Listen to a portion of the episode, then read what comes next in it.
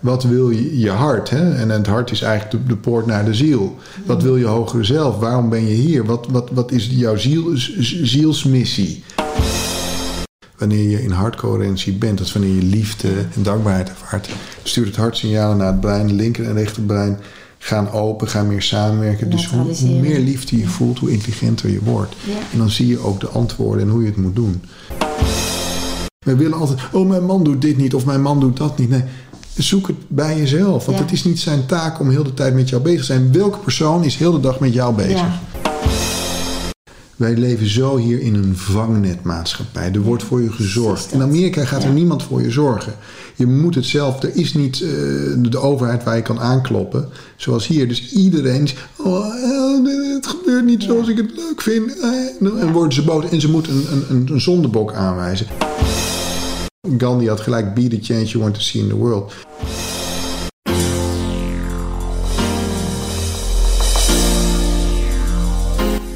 Welkom. Dit is de podcast To Master Your Life nummer 200. De kracht van jouw hart. Een dieptegesprek met Baptiste de Paap. Mijn naam is Vilna van Betten en ik heb er super veel zin in.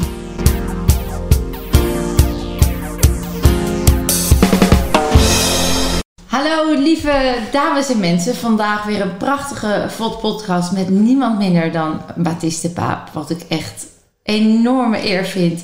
Want ik ben al heel lang bezig, Baptiste, ik zei het net al, om uh, deze meeting te arrangeren. En uh, we hebben elkaar al ruim tien jaar geleden voor het eerst ontmoet. Dat was um, met de Power of the Heart, de lancering. Ik weet nog heel goed, dat was echt iets heel groots. En in die tijd ook echt iets heel nieuws. Zelf gaf ik al events. En ik was zo blij met jouw bijdrage. Want uh, jij was iemand die, die op het scherm visueel neerzette. Wat denk ik heel veel mensen weten en nog niet konden neerleggen op die manier. Uh, je, bent ooit, je wilde ooit advocaat worden. Je bent dus filmmaker en auteur geworden.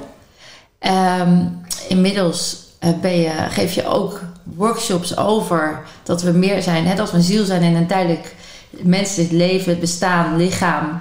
En we kunnen contact nog maken met alles daar wat groter is. Daar gaan we het zeker over hebben. En nou ben je hier eindelijk. Want die ontmoeting, dat was al voor mij meteen een stukje chemie. Um, jij zei net, ja, ik heb zoveel mensen gesigneerd, even boeken gesigneerd. Zoveel landen ben ik afgegaan, want die film is viral gegaan. En uiteindelijk uh, ben, je, ben, ben, ik je even uit het oog verloren. En zag ik je ineens weer in Nederland. En ben je weer gaan volgen. En genoot ik weer van alles wat je deed. Geniet ik van nog steeds. Vertel even hoe die reis is gegaan naar de Power of the Heart. En dan tot nu. Even in het kort. Dat mensen een beetje weten wie is Mathies nou eigenlijk. Ja, het, klopt inderdaad. Uh, ik ben meester in, in de rechten, in het Nederlandse recht. En uh, ja, mijn verwachting was wel dat ik uh, de advocatuur in zou gaan. Dat heb ik ook een blauwe maandag geprobeerd op de Zuidas. Alleen energetisch klopte dat niet. Uh, en ik ben toen heel erg toch op zoek gegaan. Ja, hoe vind je eigenlijk je doel in je leven? Uh, want mm. uiteindelijk, uh, je voelt soms van het klopt niet. Hè? Je moet je toch, wanneer je wat doet, moet, moet het stromen, moet je een flow voelen. En ik ben in die tijd ben ik gewoon gaan researchen van uh, hoe kan je je doel in je leven vinden. En toen stuitte ik op een, uh, een gesprek eigenlijk waar Oprah Winfrey in gesprek was met Eckhart Tolle. En um, Oprah die zei: I think there's nothing more important than finding your purpose in life. Dus er is niets belangrijkers dan je doel in het leven te vinden. En Eckhart zei: Yes, but you cannot get there through thinking. Ja, maar je kan daar niet via denken komen. En hij zei: If you want to find your purpose in life, then you can ask yourself: What do I want? Dus je kan jezelf afvragen: Wat wil ik? But a more powerful question would be: What does life want from me? Dus Mooi. wat wil het leven van mij? Mm. En ik ben daarop gaan uh, mediteren. En uh, dat is nou, best een lang verhaal, maar uiteindelijk kwam er echt uit alsof nou, een gevoel van thuiskomen, een gevoel van liefde. Uh, van ja, je moet een film over het hart maken. En uh, dat ben ik gaan volgen. Maar dat komt om toen dat idee kwam. Het, het, het, gevoel van liefde was zo groot. Het gevoel van thuiskomen was zo groot. Dat ik ga die energie volgen. Even hoor, want dat is waanzinnig. Toch even terug. Baptiste zegt... Ik, ik wilde eigenlijk advocaat worden. Dat is de andere kant van het spectrum. Hè? Dat is analytisch, dat is feitelijk, dat ja. is Hoe kwam je daar dan? Is dat, qua, is dat door de opvoeding geweest? Nou ja, kijk, ik, ik, ik denk dat ehm, eh, op een gegeven moment ben je klaar met je middelbare school en dan moet je iets gaan kiezen. En eh, nou ja, ik, ik, ik denk dat, dat rechter een beetje de veilige keuze was. Oké. Ehm, van dan kan je alle kanten nog op daarna, zeg maar. Het is een beetje een algemene keuze. Ehm, en het recht kom je natuurlijk overal tegen in de samenleving. Dus ik denk dat een soort van, ja, ik weet nog niet precies, wat ik wil. Laat ik dan maar iets algemeens Iets gaan doen. algemeens breed. Ja, ja, ja. Daar zat er niet iets in van, want ik wil wel dat het onrecht overgaat in de wereld. Nee. Of daar zat nog helemaal nee, geen helemaal, nee, van nee, ik was helemaal niet met de wereld bezig. Ik was wel met eh, mezelf bezig en altijd. Mm. Ik, ik- was al wel vroeg met spiritualiteit bezig. Maar ik was niet eh, recht gaan studeren vanuit van ik wil mensen gaan eh, beschermen of helpen of Ja. vertegenwoordigen. Nee, nee, het was meer een soort van oh, ik weet niet wat ik wil, laat ik een algemene studie kiezen. Ja. Ja, en dan kom je dus op zo'n gesprek met Eckhart en Oprah. Ja. En die raakt meteen. Dan, om dan vervolgens die energie te volgen en te zeggen... ik ga er een film van maken. Je, dat is best een grote stap als je Ja, vanuit de grote. rechten komt. Nou, dat is een grote stap, want ik, ik, wist, niet, ik wist niets over het hart. Nee. Eh, ik wist ook niets over eh, filmproductie. Dus ik, ik ben met filmproducenten gaan praten. En die, ik wilde vanuit Amsterdam destijds een, een, een, een spirituele film over het hart maken. Nou, er was helemaal geen. Ja, niemand deed dat, weet je. Dus die dacht van ja, succes ermee. Maar dit gaat nooit lukken. Ehm, maar er was natuurlijk al een film geweest, The Secret in 2006. Ja. En ik dacht, zoals die gemaakt is, dat is een succes. Zo zag ik het voor me. Dus het, de boodschap van eh, Power of the Heart en The Secret is heel anders. Hè. The Ja. Secret gaat over de law of attraction. Dat je dus kan aantrekken in je leven wat je wil. Alleen de vraag wordt niet gesteld, waar komt die intentie vandaan? Exact. Komt het vanuit je persoonlijkheid, je ego... of komt het vanuit je hogere zelf, je ziel? En de Power of the Heart gaat juist over, ja, wat wil je, je hart? Hè? En het hart is eigenlijk de, de poort naar de ziel. Wat wil je hogere zelf? Waarom ben je hier? Wat, wat, wat is jouw ziel, zielsmissie? Daar gaat de Power of the Heart over. Dus, eh, maar ik, ik dacht wel, de manier waarop het gemaakt is, hè, met talking heads die rechtstreeks in de camera kijken. ehm, Experts die ja, dan de- experts, ja. ja. En dan ook eh, hè, dat, dat, dat, dat er ook nog. ehm, eh, drama bij is die eigenlijk ondersteunt wat de experts zeggen. Eh, dat concept vond ik wel heel erg mooi. Dus uiteindelijk heb ik ook de, de regisseur van The Secret, eh, Drew Harriet, uit Australië gehaald om, om dit te doen. Dus die is naar Amsterdam gekomen. Die is ook bij mij in Amsterdam komen wonen. En ja, zo hebben we die film kunnen doen. Dus het is inderdaad wel heel erg qua productie, zeker niet qua boodschap, maar qua productie wel een beetje zoals The Secret geworden. Ja. En dat Ja. was bewust. En dat is prachtig. En tegelijkertijd zeg je, ik heb dus mensen uit Australië in laten vliegen. Ik heb, dat kost ook allemaal een hele hoop geld. Ja. Hoe deed je dat dan? Of had je gewoon heel veel geld? Nou, nee, want ik, ik, ik, ik, ik, ik, ik, ik woon in Amsterdam. Ehm, ik, ik wilde mijn baan niet houden. Ik zat bij een groot internationaal kantoor. En dan ga je in één keer fulltime zo'n productie doen. Ehm, dus nee, wij hadden helemaal geen geld. Ik heb er twee vrienden bij gehaald. Maar ehm, ik heb ook nog een blauwe maandag eh, eh, wat, wat, wat, wat hitjes gehad in de muziek. Dus ik ben toen eh, weer gaan optreden. En daarmee ben ik eigenlijk die productie gaan betalen. nee, je weet het. Oh, wat ja, goed. Ja, ja, ja. Dus, ehm, en ik heb twee vrienden. Eentje had film, een filmachtergrond. En die is camera ge- geworden en de, eh, cameraman geworden. En de andere was advocaat ook op de Zuidas bij een groot kantoor in de entertainment. Dus we zijn eigenlijk met z'n drieën dat gestart. Maar volledig met eigen kapitaal. Alleen op een gegeven moment kom je verder in zo'n productie, groei je verder. En dan heb je natuurlijk wel extra kapitaal nodig Ja. om een Drew Harriet uit Australië te halen.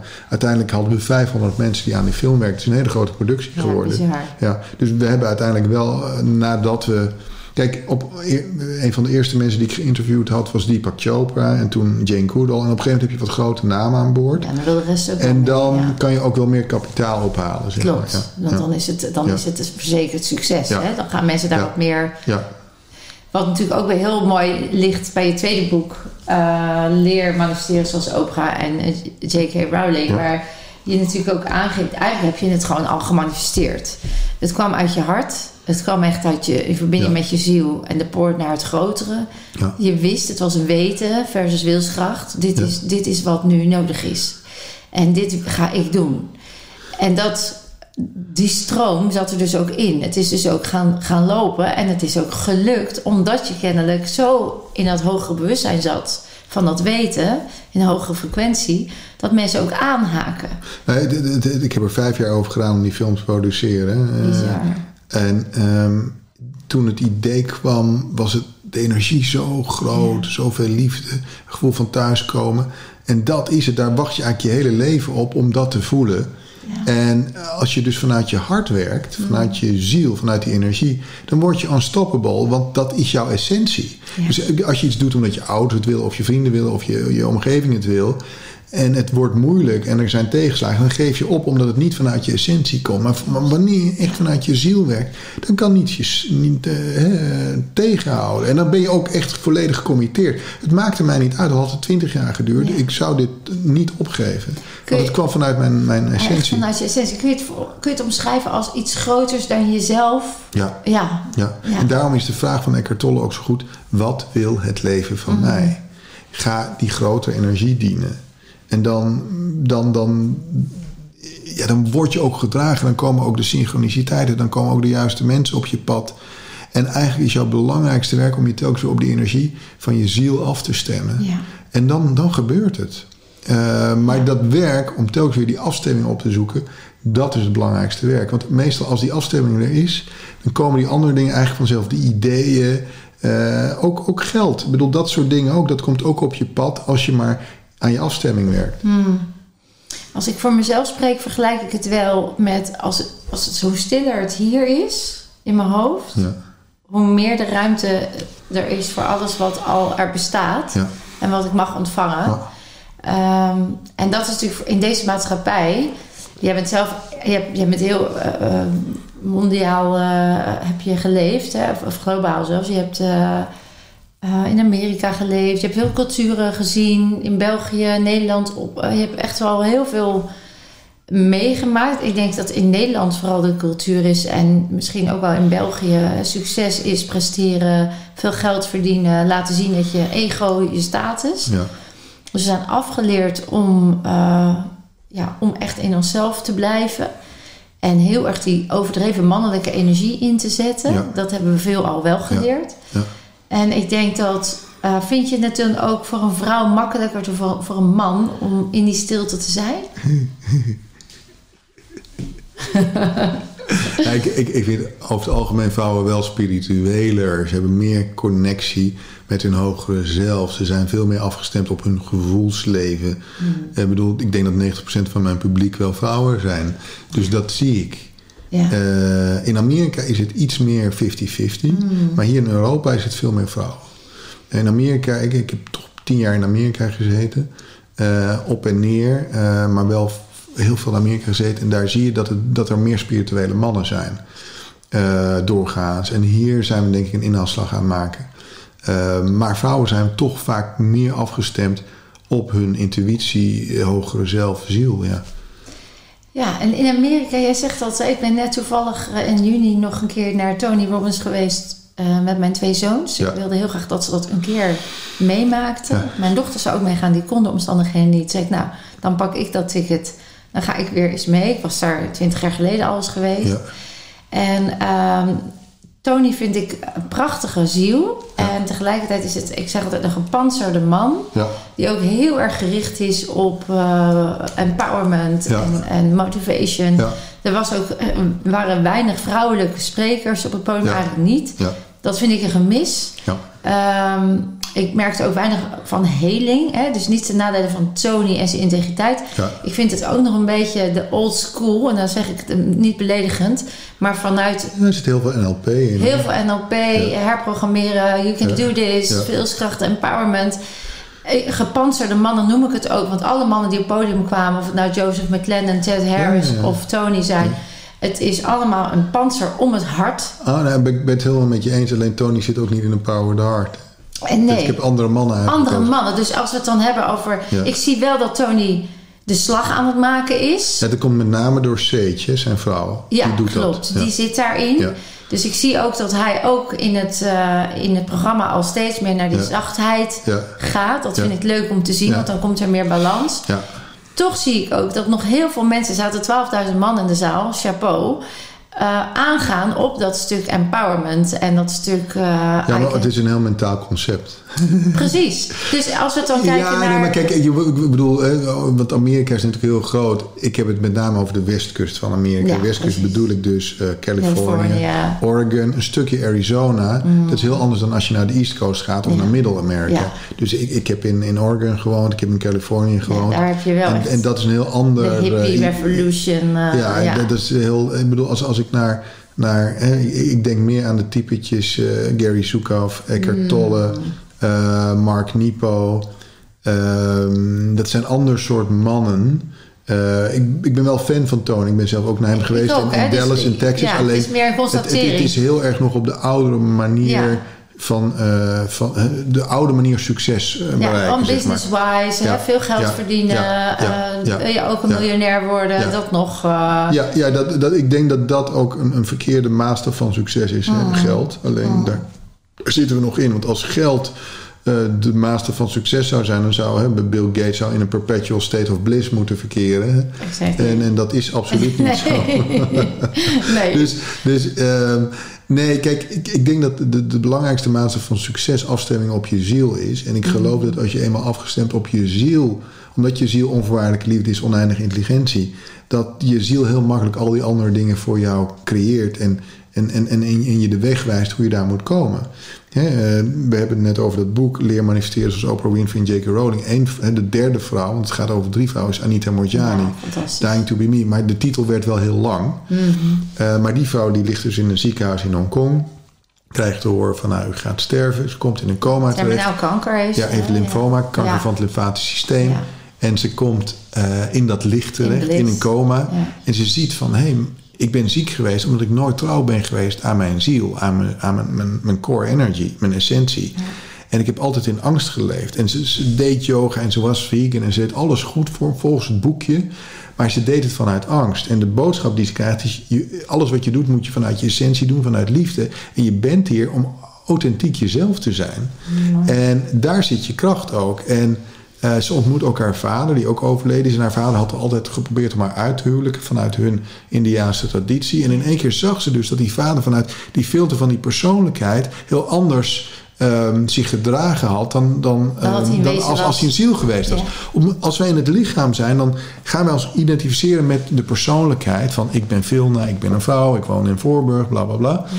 Maar onze essentie is oneindig. Uh, Groot. de liefde, ja, liefde, is oneindige intelligentie, onvoorwaardelijke liefde. En wij gaan ons dus identificeren met het filter, waardoor we dus gaan leiden. Snap je? Want ja. dit is eigenlijk het filter waardoor we kijken. Ze noemt ja. het in het Engels een vantage point. Het is een perspectief. Jouw perspectief is veel na, maar je bent niet veel nee. Begrijp je? Nee. Mijn perspectief is. Identificatie met de rol die je hebt aangeleerd. Ja, mijn perspectief mm. is Baptiste, maar ik ben niet Baptiste. Nee. Uh, dus als ik mij met Baptiste ga identificeren. Uh, dan doe, doe, ik mezelf tekort. Beperk je jezelf. Ja, maar we zijn eigenlijk, ja, je mag het Ja. goddelijke energie Ja. noemen. En wat zo mooi is bij Anita, is op het moment dat ze die les leert, is er kanker weg. Hè? Dat Ja, is precies binnen ik- 48 uur is alle kanker verdwenen. Omdat ze weer in contact in komt met haar contact met de essentie. En dat is precies wat, wat ik natuurlijk in mijn events ook zie. Mensen die in rolstoelen zitten, die vastzitten, die doodziek zijn, die staan, die staan na een week of een weekend bij mij, staan Ja. ze weer op en wandelen weg. Ja. En, En- wat doe jij dan met ze? De hele, naar de ziel. Echt de, de, de hele cell memories, de identificaties loslaten. Zodat ze als observant naar zichzelf eigenlijk een bijna doodervaring zou je kunnen zeggen. Als je hem eh, zou moeten omschrijven. Je gaat boven, je stijgt boven alles uit waar je mee geïdentificeerd bent. Maar, maar welke techniek Ja, gebruik de je body ervoor? mind reset. Dus dat Body- is echt een techniek die ik zelf. Ik heb zelf twintig jaar geleden ben ik heel erg ziek geworden. Ruim 20 jaar geleden. En ik heb 7,5 jaar medisch traject gehad. Eh, en ja, ik was 19 toen, ik ben nu 51. En tot mijn. Eh, nee, ik was al eerder ziek, maar tot mijn 23, 24 liep ik in het medisch traject. En uiteindelijk konden ze niks vinden. En toen had één arts gezegd: Nou, je moet zwanger worden, want je hebt de kiezers in je eierstokken. Dat zal het wel zijn. En anders word je onvruchtbaar. En toen werd ik zwanger, toen werd ik nog zieker.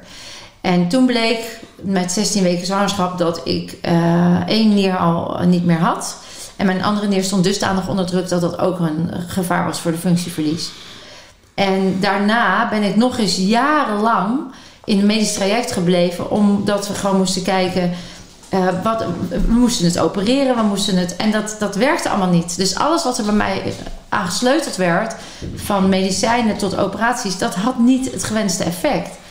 Dus ik bleef in die struggle, ik bleef in dat conflict, ik bleef in die, in, in die, in die, in die het attachment met de identificatie dat ik patiënt was.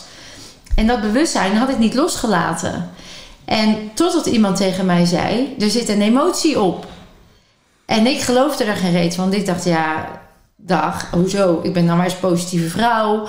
En ik weet heus hoe ik met emoties om moet gaan. Nou, not. Maar dat dacht ik. was een concept van ideeën.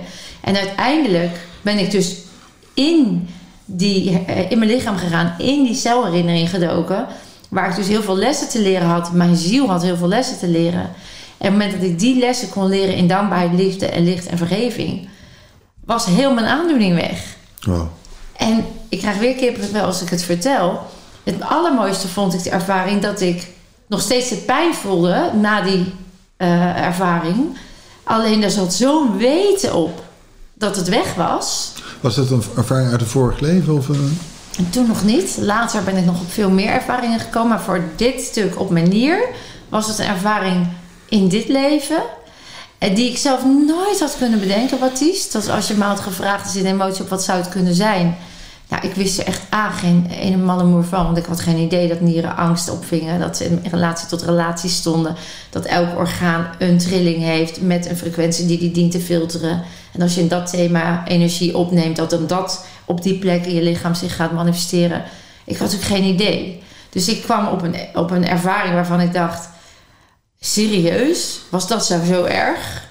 Maar doordat ik daar doorheen voelde en het doorleefde en die trillingsfrequentie dus weer losliet en mijn ziel dus had aangeklopt en gezegd: hé, hé, ze snapt het, she's there.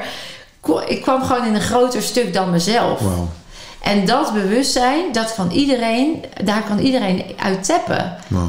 En sindsdien, en toen ging ik naar de arts en die zei: nou mevrouw, u bent wonderbaarlijk genezen. En ik zei, nou, ik heb mezelf emotioneel geheeld. En die man die, ik zeg in mijn boek ook, als ik die foto had kunnen maken van het gezicht van die dokter, had ik hem ingelijst boven mijn bed.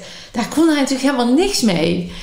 En dat was voor mij het tipping point dat ik, dat ik wist, dit is dus wat jij had met The Power of the Heart. Dit is dus wat ik mag gaan doen. Deze ervaring, die gun ik al deze mensen in de wachtkamer. En als je daarin kan. Uh, en toen heb ik dus gekeken, wat was het nou? Want ik had eigenlijk Ja. geen idee. Wat was het nou waardoor die shift er was? Precies. Ja, en daar heb ik dus echt wel heel lang, eh, eerst in het begin nog heel veilig events gegeven waar het nog ging over mindset, NLP, allemaal die. Want ik ben natuurlijk alles gaan doen op dit gebied om te leren: wat is dit? Wat gebeurde er in mijn Ja. lichaam? Wat happened? Dus van Reiki, the power of the heart, tot waar je kon me overal vinden waar lessen te leren waren over hoe je jezelf, eh, hoe we in elkaar zaten.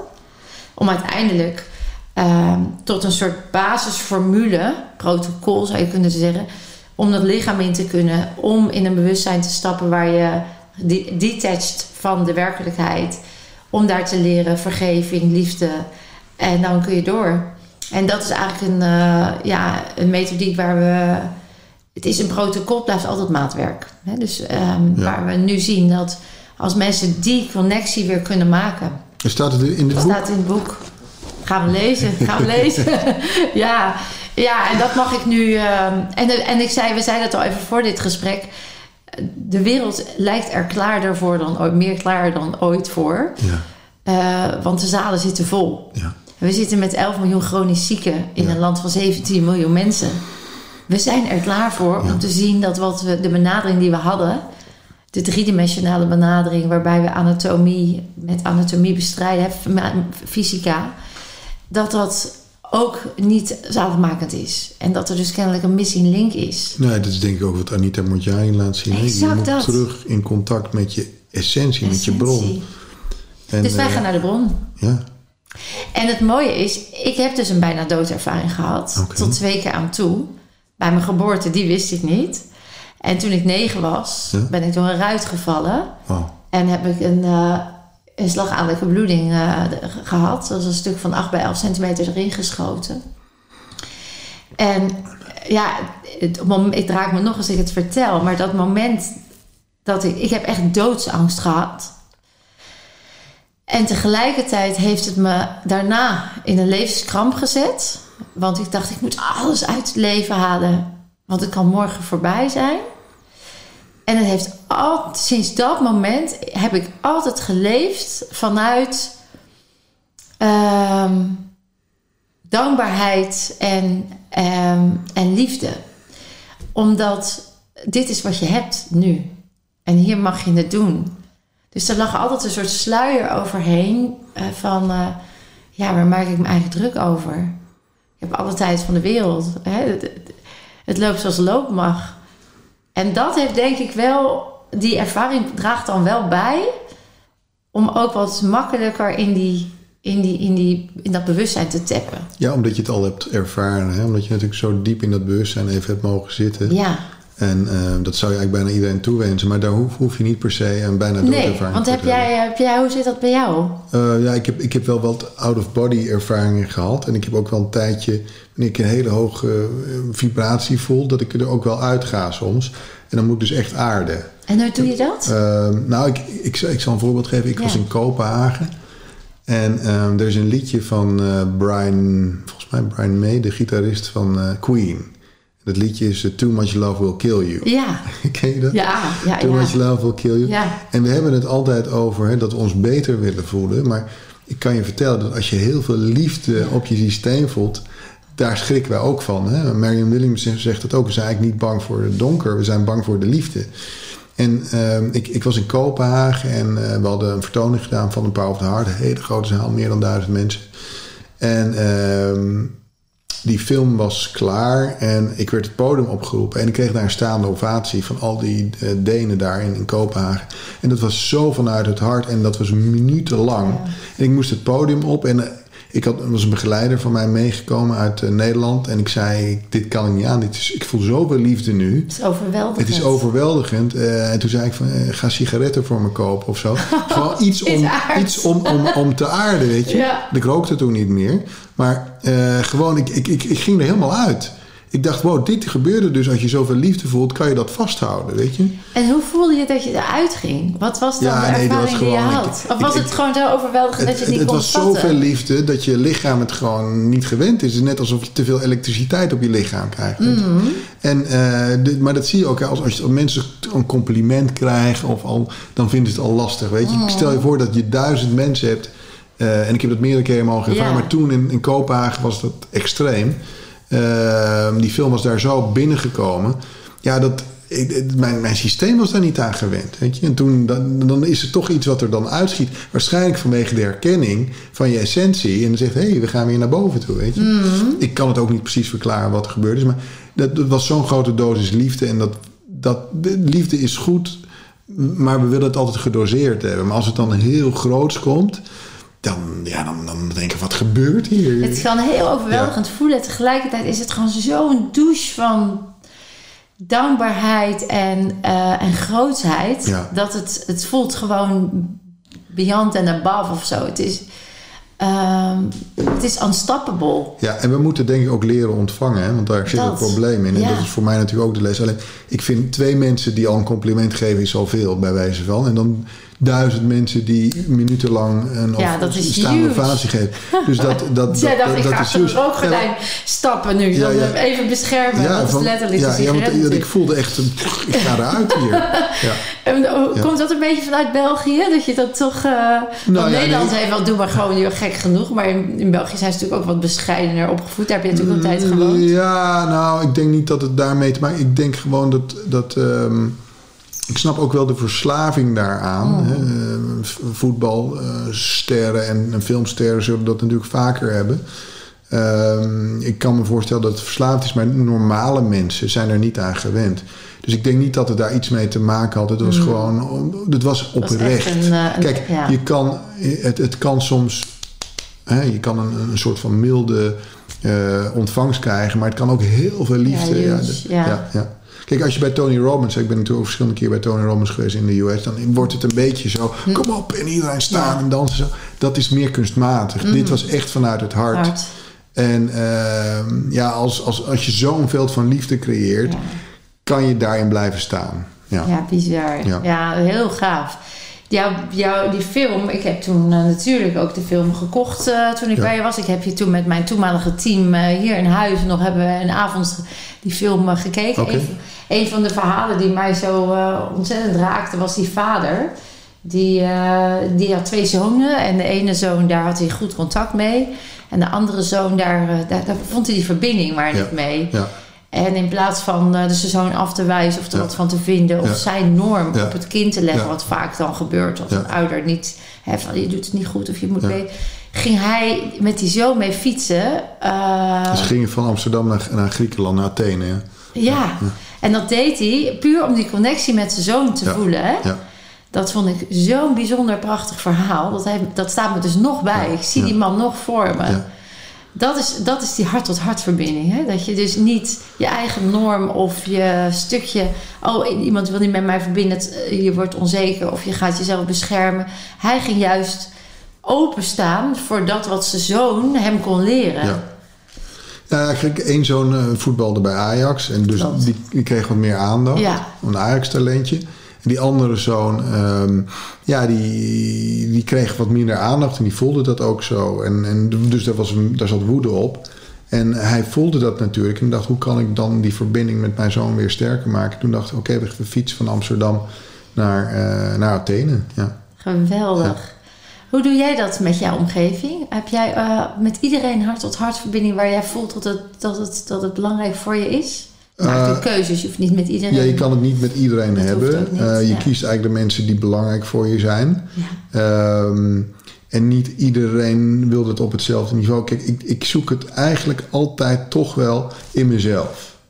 Dus ik, ik, ik, ik, ga- ik ga niet proberen om anderen te veranderen of een, een hartconnectie af te dwingen. Ik, eh, ik zorg meer dat ik zelf zoveel mogelijk op mijn ziel ben afgestemd.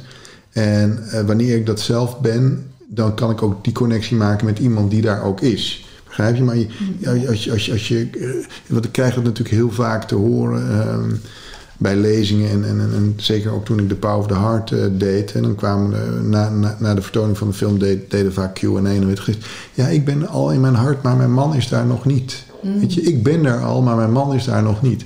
En dan, ja, wat moet je dan doen? En dan zeg je, ja, werk nog meer aan jezelf. Gandhi had gelijk, be the change you want to see in the world. Ik denk dat als je zelf in je hart bent, dan eh, trek je ook mensen aan die op die frequentie werken. Ehm, Maar je kan het niet afdwingen. En je, luister naar je ziel. En je ziel zal je wel eh, vertellen hoe je met die persoon moet omgaan. Maar vaak is het ook zo dat je mensen gewoon met rust moet laten. Iedereen zit in een, zijn of haar eigen proces. En wij hebben te vaak de behoefte om altijd te helen en te helpen, Te ongevraagd. Te fixen, ja. Ja. En ook die connectie. Ja, jij, jij hebt wel de behoefte aan je hartconnectie, maar jouw man misschien vandaag niet. Begrijp je wat ik bedoel? Ja, en het kan ook zijn dat je nog jezelf ontmoet in een stukje verlatingsangst. Dus als Ja. je inderdaad dicht bij je hart komt, omdat je eigenlijk de hele tijd niet gericht was op jezelf, maar op de ander, wat er niet goed was, of waardoor die ander nou maar net niet jou aanvoelde of jou Ja. begreep, dan wordt dat een frustratie en dan wordt de schuld bij de ander gelegd. Terwijl bij jou kan een stukje verlatingsangst naar boven komen. Ja. En dat je daarom hoopt dat die ander jou ziet, hoort en begrijpt. Terwijl als je jezelf gaat zien, horen en begrijpen en veilig voelt met jezelf, dan kun je vanuit dat stuk ook de keuze maken: haalt deze persoon in mij het beste naar boven? Is dit de verbinding die ik nodig heb in mijn leven? En dan kun je voor jezelf die keuze maken. Ja. Dan hoef je niet te wachten tot de ander verandert, of tot hij eindelijk leuk wordt, zoals hij of zij. Dat hij eindelijk gaat geven wat je nodig hebt. Want dan blijft dat proces voor zich uitduwen. Dan, dan voor, ja, voorkom je eigenlijk je eigen Ja. groei. Ja. Dus het is heel mooi dat je zegt: begin bij jezelf, want daar liggen de antwoorden. Ja, dus waar je het over had, dankbaarheid, liefde, dat hart openen, hartcoherentie. Ja. En hè, het is ook mooi wat de wetenschap laat zien van HeartMath. Dat laten we ook in de Power of the Heart zien. Wanneer je in hartcoherentie bent, dat is wanneer je liefde en dankbaarheid ervaart, stuurt het hart signalen naar het brein. Linker en rechterbrein gaan open, gaan meer samenwerken. Dus hoe, meer liefde je voelt, hoe intelligenter je wordt. Ja. En dan zie je ook de antwoorden en hoe je het moet doen. Eh, dus dus ik- mijn, mijn antwoord is echt, ga meer in je hart. Ga, werk meer aan jezelf, stem meer op Ja. je ziel af. Adem naar je hart toe. Adem naar je hart toe. Zoek het niet meer buiten. Mm. je. Probeer ook niet... Het is niet jouw taak van jouw man om 24-7 bezig te zijn met jou... en jou naar de zin te maken en met jouw hartconnectie te maken. Het is niet zijn taak. Nee. Het is zijn taak om te zorgen dat hij in afstemming zit met zijn hart en zijn ziel... en van daaruit contact met jou maakt. Ja. We willen altijd... Oh, mijn man doet dit niet of mijn man doet dat niet. Nee, Zoek het bij jezelf. Want Ja. het is niet zijn taak om heel de tijd met jou bezig te zijn. Welke persoon is heel de dag met jou bezig? Ja. Sterker nog, dat is heel beklemmend. Ja. Als er iemand de hele tijd met jou bezig is. Dat is zelfs dat je denkt... Poeh. Nou, en ik herken hem wel. Ik weet niet of jij dat ook herkent, Baptiste. Maar als ik voor mezelf spreek, heb ik in mijn begin heb ik ook mijn man willen fixen hoor. Ja. ja, zeker wel. Ja, omdat ik ook een Dan zeg je eigenlijk had. dat hij niet goed is. Natuurlijk. En dat is hartstikke niet aardig. Dat heb Ja. ik ook, daar heb ik ook sorry voor gezegd. Ja. Ik heb hem echt wel willen... ik- mijn man zat nog in allerlei stukken. En ik zat ook nog in stukken. En dat ontmoet elkaar. En mijn man die zocht het dan in de alcohol. En die kon dan ineens exploderen. Is het deze man Dat die is deze zit? man. Ja, Daar ja. ben ik al, eh, die nu de techniek doet. Daar ben ik al bijna 30 jaar mee. Eh, wij hebben ontzettend veel van elkaar geleerd. Wij noemen altijd dat wij zielsverwant zijn. Want Ja. je zou iedereen die ons zou zien als eh, van buitenaf, die zou kunnen zeggen: Nou, dat is helemaal geen match. Totale verschillen, ook spiritualiteit en aan ontwikkeling. Eh, en tegelijkertijd hebben wij elkaar uitgekozen. Dat voelt voor ons heel duidelijk, omdat wij zoveel van elkaar dienen te leren. Ja. Omdat wij dankzij hem kan ik dit eh, mijn leven zo in vorm geven zoals ik het nu vormgeef. Door de lessen die ik met hem onder andere heb mogen leren. En andersom. En eh, weet je, nou ja, ik vond het natuurlijk niet leuk dat hij aan alcoholisme deed. Ik zeg ook, hij deed eraan, want je bent het niet. En dat had effect op het gezin en op mij. En ik, ik ben de therapeut geweest, weet je. Ik wilde hem dan begrijpen. Hij had een zware jeugd. Ik snap het ook allemaal. Nou, daar ging hij echt niet minder van drinken. Dat faciliteert alleen maar. En toen ben ik heel eh, boos geworden. Dacht ik, als ik nou gewoon lekker zeg dat ik het allemaal waardeloos vind, dan houdt hij wel op. Nou, dan ging hij, ja, maar als jij zit te zeiken, ga ik meer drinken. Hè? Dus dat werkte ook niet. Dus ik was alles maar bezig met hem. Als hij nou dit en als hij nou dat, dan wordt ons leven leuker. En precies wat jij zegt, totdat ik zei, en dat heeft wel even geduurd. eh, Oké, ik heb gekozen voor, een, voor jou en niet voor de fles. Ik kies voor het beste leven met mezelf. Daar heb ik te veel voor zelfliefde en, en meegemaakt om te weten dat ik nu mijn lief- leven nog heel lang ga vergooien aan, aan dit stuk. Dus als jij kiest voor de fles, prima, dan kies ik voor een ander leven. En dat was dus een dikke ja tegen mezelf. En hij mocht daarmee doen wat hij wilde. En ik zei, ik wil met jou oud en gelukkig worden, alleen niet op deze manier. En ik neem daar stappen in. En dan mag jij kijken. En daarna was het dus ook klaar. Ja. Want dat was voor hem Je zocht het dus niet buiten jezelf. toen niet meer. Nee. Dus ik herken heel erg dat de frustratie van als hij nou verandert, dan wordt het mijn leven leuker. Nee, ik hield dat patroon onbewust in stand. Ja. Ik wilde hem redden, ik wilde hem fixen, ik wilde hem. Wat heel veel vrouwen hebben. Hè? Natuurlijk. En, Waar en komt dat dan vandaan? ja, dat heb ik. Dat is wel leuk. Kaber Mathé heeft daar een mooi onderzoek eh, naar gedaan. Dat eh, met die dienende beroepen, hè, dat vrouwen worden ook echt opgevoed met het idee. Je moet dienend zijn aan de man. Grappig genoeg, als je kijkt naar vrouwen- en mannenenergie, is het precies andersom. Dus het is een aangeleerd, geconditioneerd stuk. En vrouwen moeten met poppen spelen en moeten hè, dus echt vanuit de industrialisatie blijven thuis. Mannen gaan in de fabriek eh, werken. En die moeten dan zorgen dat de man van alle gemakken voorzien wordt, want de man heeft het zwaar. En dat hele zorgende is dus doorgeslagen in dienend en ondergeschikt zijn. En dat zit zo in dat celgeheugen van die vrouw. Ja. Dat terwijl ze dus intelligenter zijn, spiritueler, op dit Zeker, emotioneel of meer verbonden, kunnen ze die man, als ze dus in de vrouwenenergie blijven en niet dus overdreven zorgzaam worden, dat is een verstoring van de vrouwelijke energie. Dan weten ze dat ze eh, de man heel veel kunnen leren op dit gebied. En er kunnen zijn voor de man. En de man kan dan in zachtheid blijven naar zijn vrouw. En dat is gewoon afgeleerd. Dat is echt iets wat we nu weer aan het terugpakken zijn. Ik denk dat daar wel eh, dat daar een hele grote transformatie nu is. En dat een van de dingen die ik ook heel erg predik is: stop met redden. Stop met redden.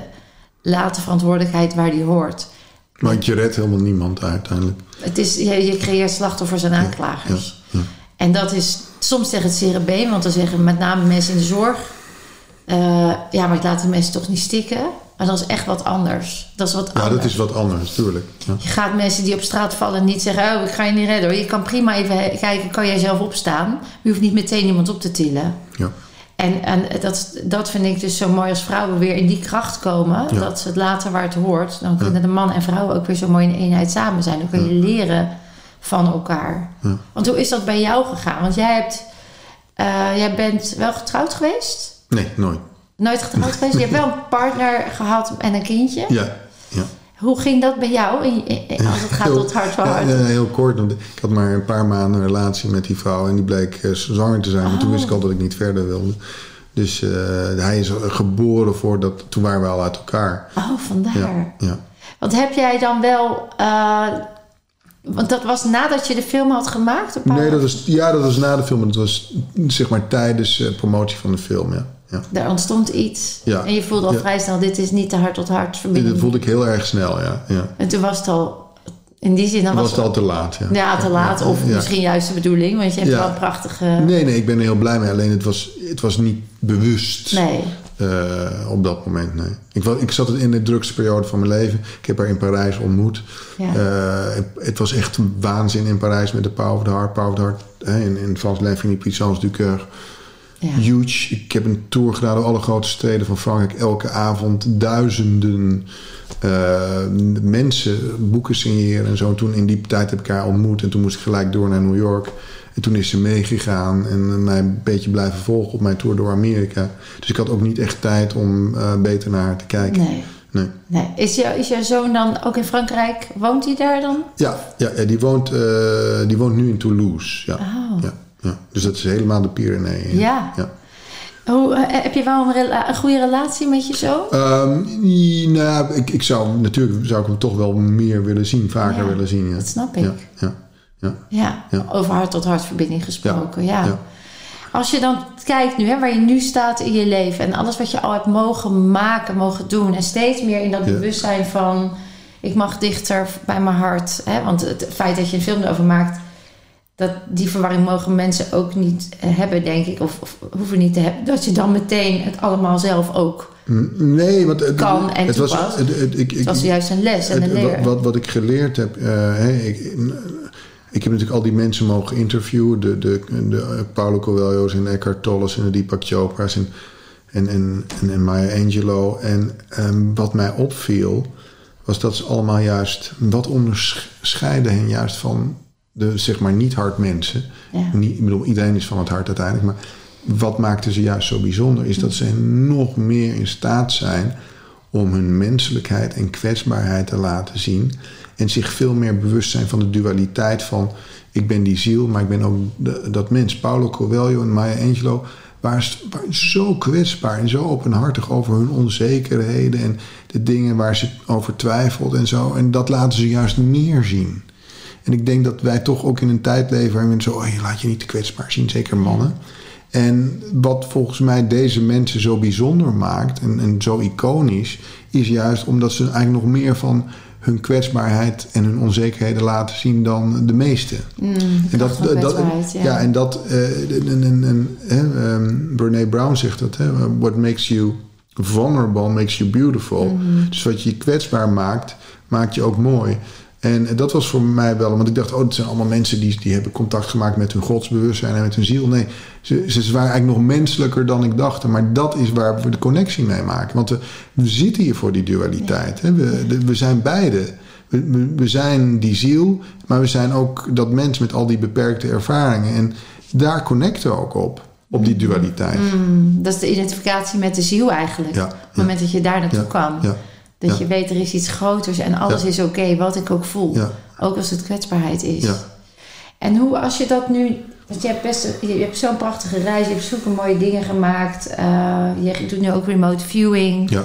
Waarbij je mensen leert om die connectie steeds meer te maken met dat goddelijke in afstemming te zijn met het universum. Ja, ja, dus remote viewing is oorspronkelijk ontwikkeld eh, op Stanford. Ja. Eh, eigenlijk voor de CIA, CIA, CIA en het Amerikaanse leger. En ehm, het, het probleem wat ik gezien heb, want ik, heb, ik doe al meer dan twintig jaar remote viewing.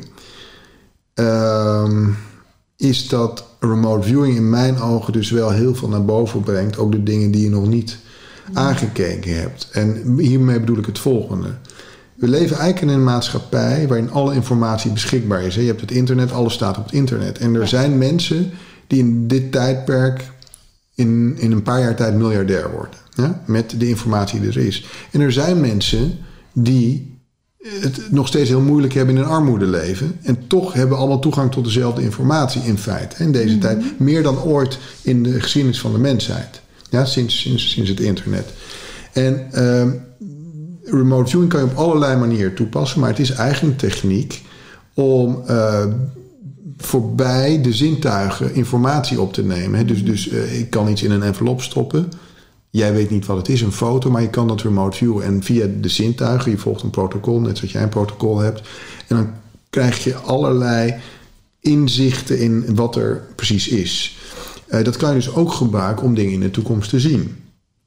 Uh, maar ik, uh, ik heb geleerd, en op een of andere manier is dat hier in Nederland en België nog sterk, is dat op het moment dat je gaat remote viewen, um, dan komen ook al die andere stukken naar boven die je nog niet uh, aandurfde te aandurfde kijken, te kijken ja, kon ja, ervaren. Ja. Nou, ik heb in Amerika heel veel succesvolle projecten gedaan en hier ook een paar.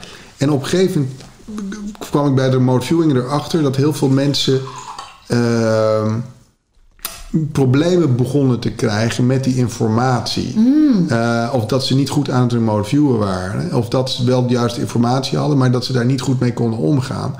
En, en dan kom ik toch weer bij het onderbewustzijn terecht. Uh, dat zie je zeer veel in de spirituele wereld. Mensen die heel spiritueel zeg maar vergevorderd zijn, maar bijvoorbeeld enorme blokkades op geld hebben. En geld is wel een dingetje in de Nederlandse spirituele wereld. Absoluut. He, in Amerika is dat ook zo, maar Amerika is ook wel weer een land van succes en geld. En daar mag je wat openlijker over praten. Mm. Wij in Nederland hebben natuurlijk toch die protestantse invloeden.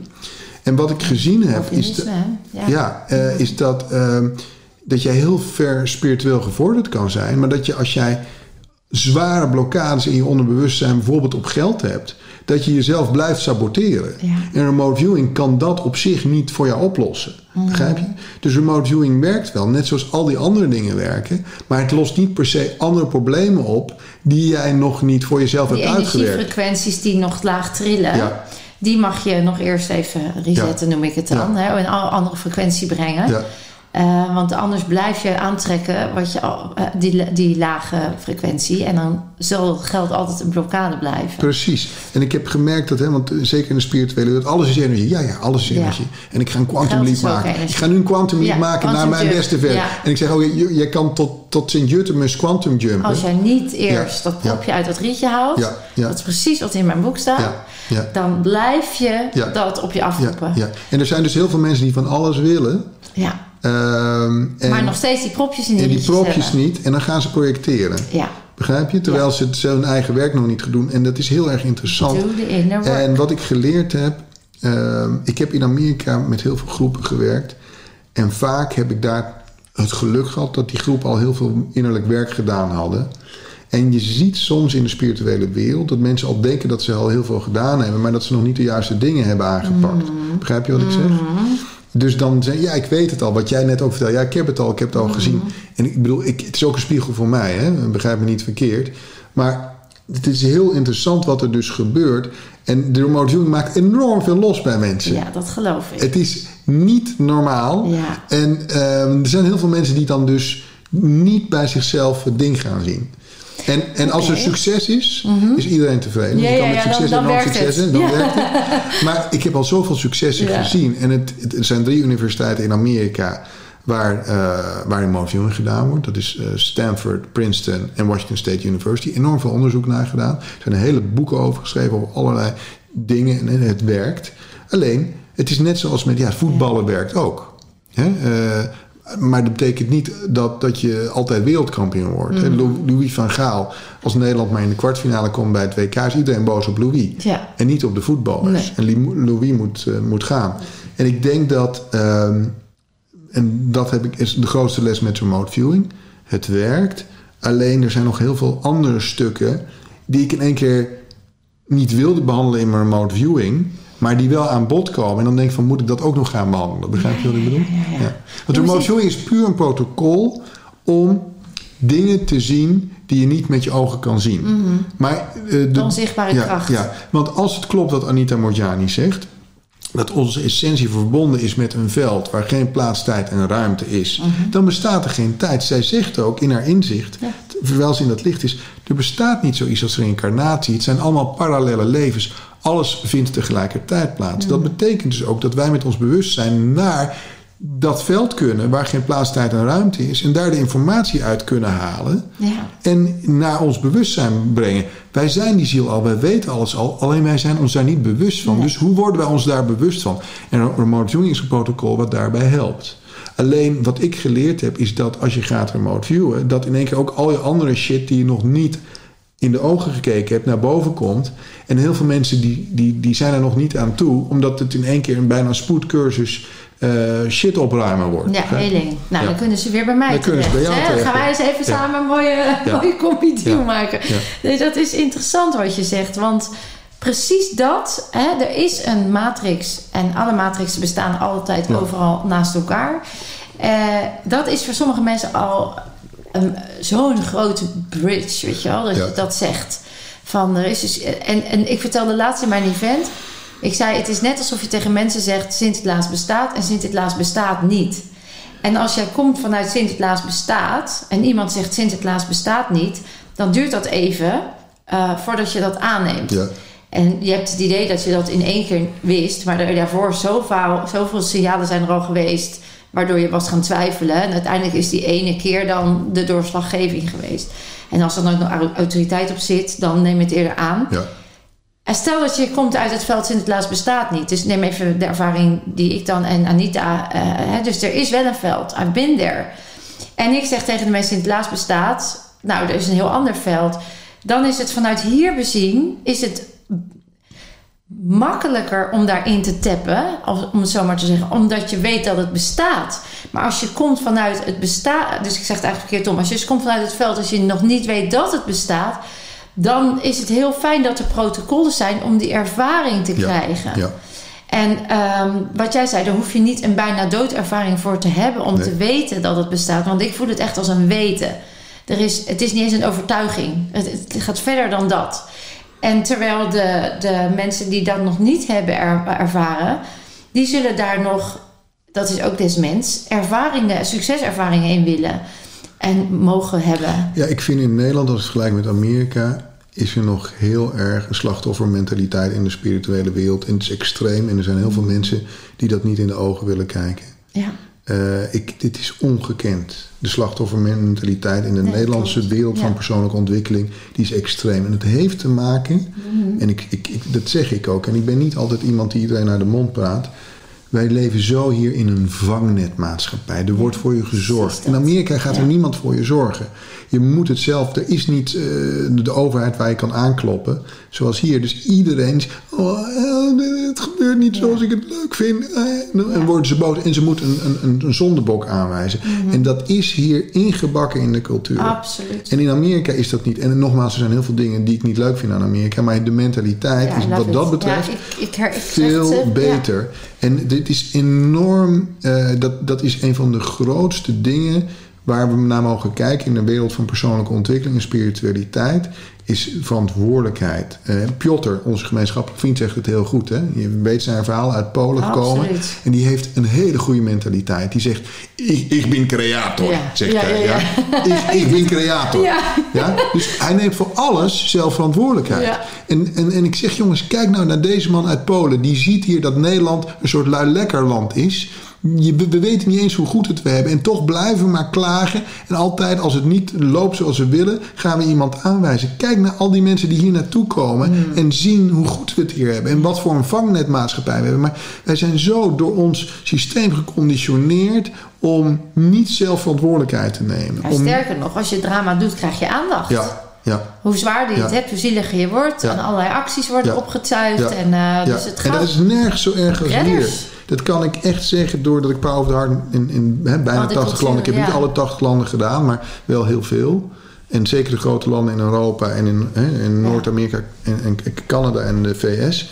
is die, die slachtoffermentaliteit en... Die- is dat denk jij gekomen door de steun, door de steun ervan, hè, de overheid is op een gegeven moment natuurlijk een, rol in gaan nemen van, eh, nou ja, als je niet kan werken of als je, eh, dan steunen we je, dan komt er een uitkering of als je is- arbeidsongeschikt of, of eh, ja, het is allerlei, ik, ik, ik weet het niet, ik heb nog nooit een uitkering, maar je hebt zoveel uh, inderdaad vangnetten ja, en ehm, wat, wat is dat in Nederland? Wat is dat? Heb jij daar... Nou ja, ik denk, dat, e- ik denk dat het met echte spiritualiteit te maken heeft. Echte spiritualiteit gaat over afstemming op je essentie, je bron, je ziel.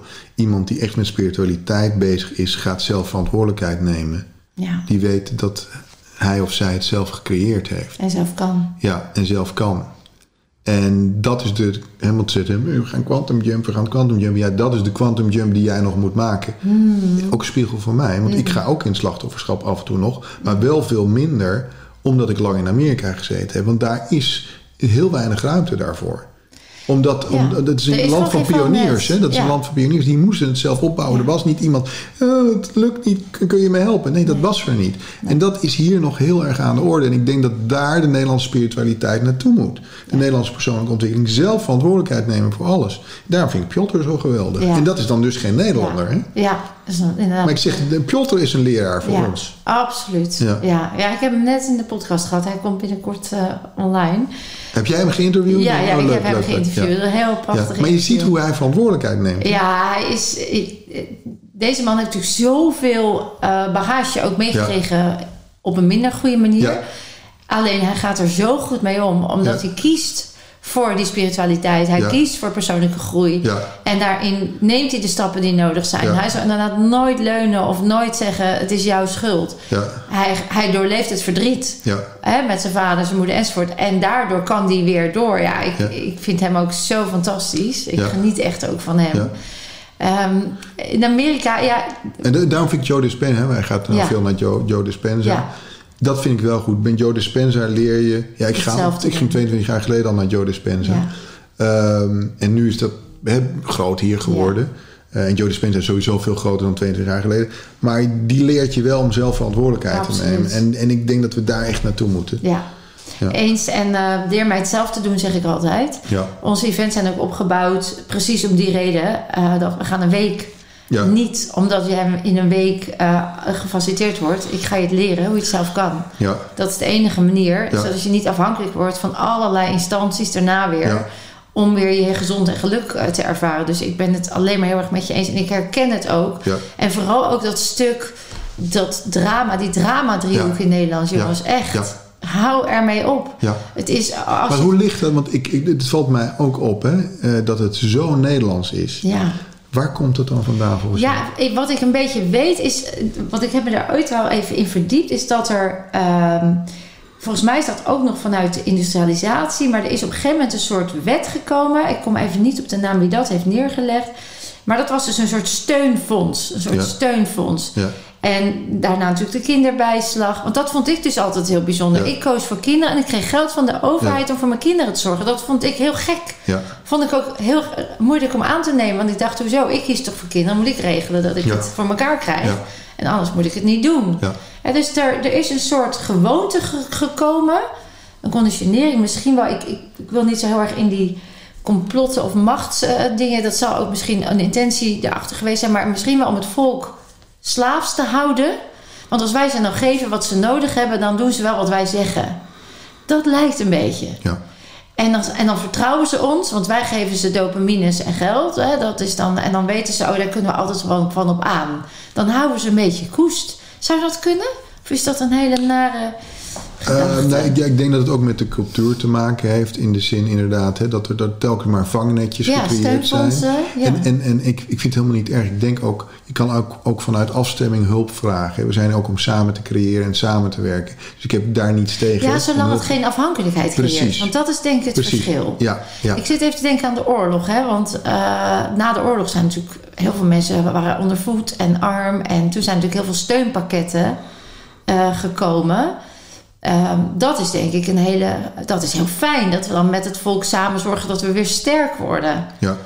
Ehm, Nou, het heeft denk ik ook met de mondigheid van de Nederlanders te maken. Eh, de, de mondigheid zorgt er ook voor dat je je ontevredenheid kan uiten.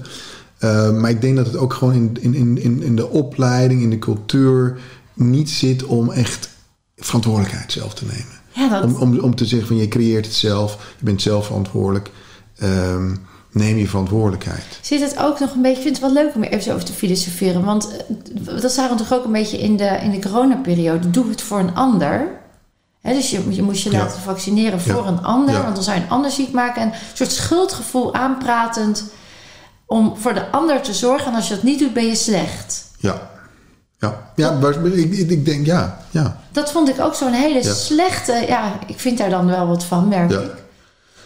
Dat- ik dacht, hoezo? Ja. Mogen mensen. eh, Zorg goed voor jezelf, Ja. dan volgt de rest erachteraan. Ja. En dat is een beetje, dat, was, dat is toch ook een beetje dat Calvinisme en dat Ja. harde werken en voor anderen. En je, mag, je mag ook jezelf nooit op de eerste plek zetten, want dan ben je egoïstisch. Als ik als meisje werd opgevoed en dan zei ik van, dan zei iemand, heb je, wie, heb je uitge, wie waren er op je feestje? Ja. En dan zei ik, nou ik. En, eh, en nee, dan moest ik eerst iedereen opnoemen en als einde mocht ik. Ja. Weet je wel, dat is een soort indoctrinatie bijna van jij bent minder belangrijk dan een ander. Ja. En dat vind ik gewoon bullshit. Ja. Want als jij niet goed voor je... dan gaat het ten koste van jezelf. Ja.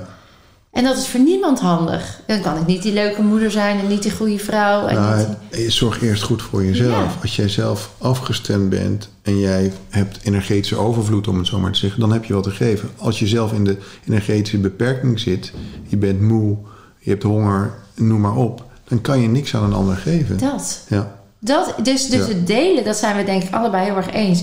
Dat is precies wat we, waar we voor bedoeld zijn. ja, Dat is ook dat die, die overweldigende liefde die jij net zo uitsprak.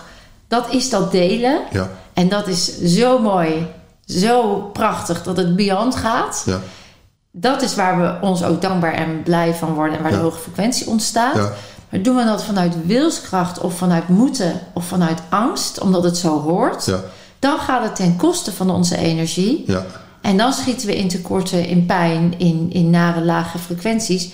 En worden we dus angstiger, want die lage frequenties zitten op dat, op dat niveau. ja, En worden we denk ik volgzamer. Want dan gaan we dus doen wat een ander zegt. Want als ik het niet doe, dan ben ik fout. Of dan hoor ik er niet meer bij. Of dan eh, ga ik misschien wel dood. ja. Maar als, als we werkelijk begrijpen wie we werkelijk zijn, Dan heb je dat niet. dan heb je dat niet. Hè? En daarom is het verhaal van Anita Montjani zo mooi. Ja, Ze zegt van ja, ik ben het allemaal zelf. Ja, Maar ik ben ook oneindige intelligentie en onvoorwaardelijke liefde. Ik kan mijn eigen realiteit creëren. En je creëert je realiteit eigenlijk door je steeds af te stemmen op je core-energie, je bronenergie. Ja. En wat zegt die energie? Volg dat op. Ga daarop vertrouwen. Heel veel mensen vertrouwen daar niet op. Want ja, je, je hebt niet geleerd hoe je daarop moet vertrouwen. En dat kan je alleen maar doen door daarmee te gaan experimenteren. precies. Het is ons afgeleerd. ja, ja, want als de, de kinderen, eh, baby's, peuters weten het. Weten dit. Maar die, die hele conditionering, dat onderwijs is gewoon gericht om dat, eh, dat brein te dienen. Hè? Pim, Pim van Lommel is hier ook geweest. Nou, ik, Ja. ik heb Pim van Lommel ook een paar keer gesproken in Frankrijk op, op een conferentie. En hij zegt het heel goed. Dat brein is in feite een interface voor de ziel.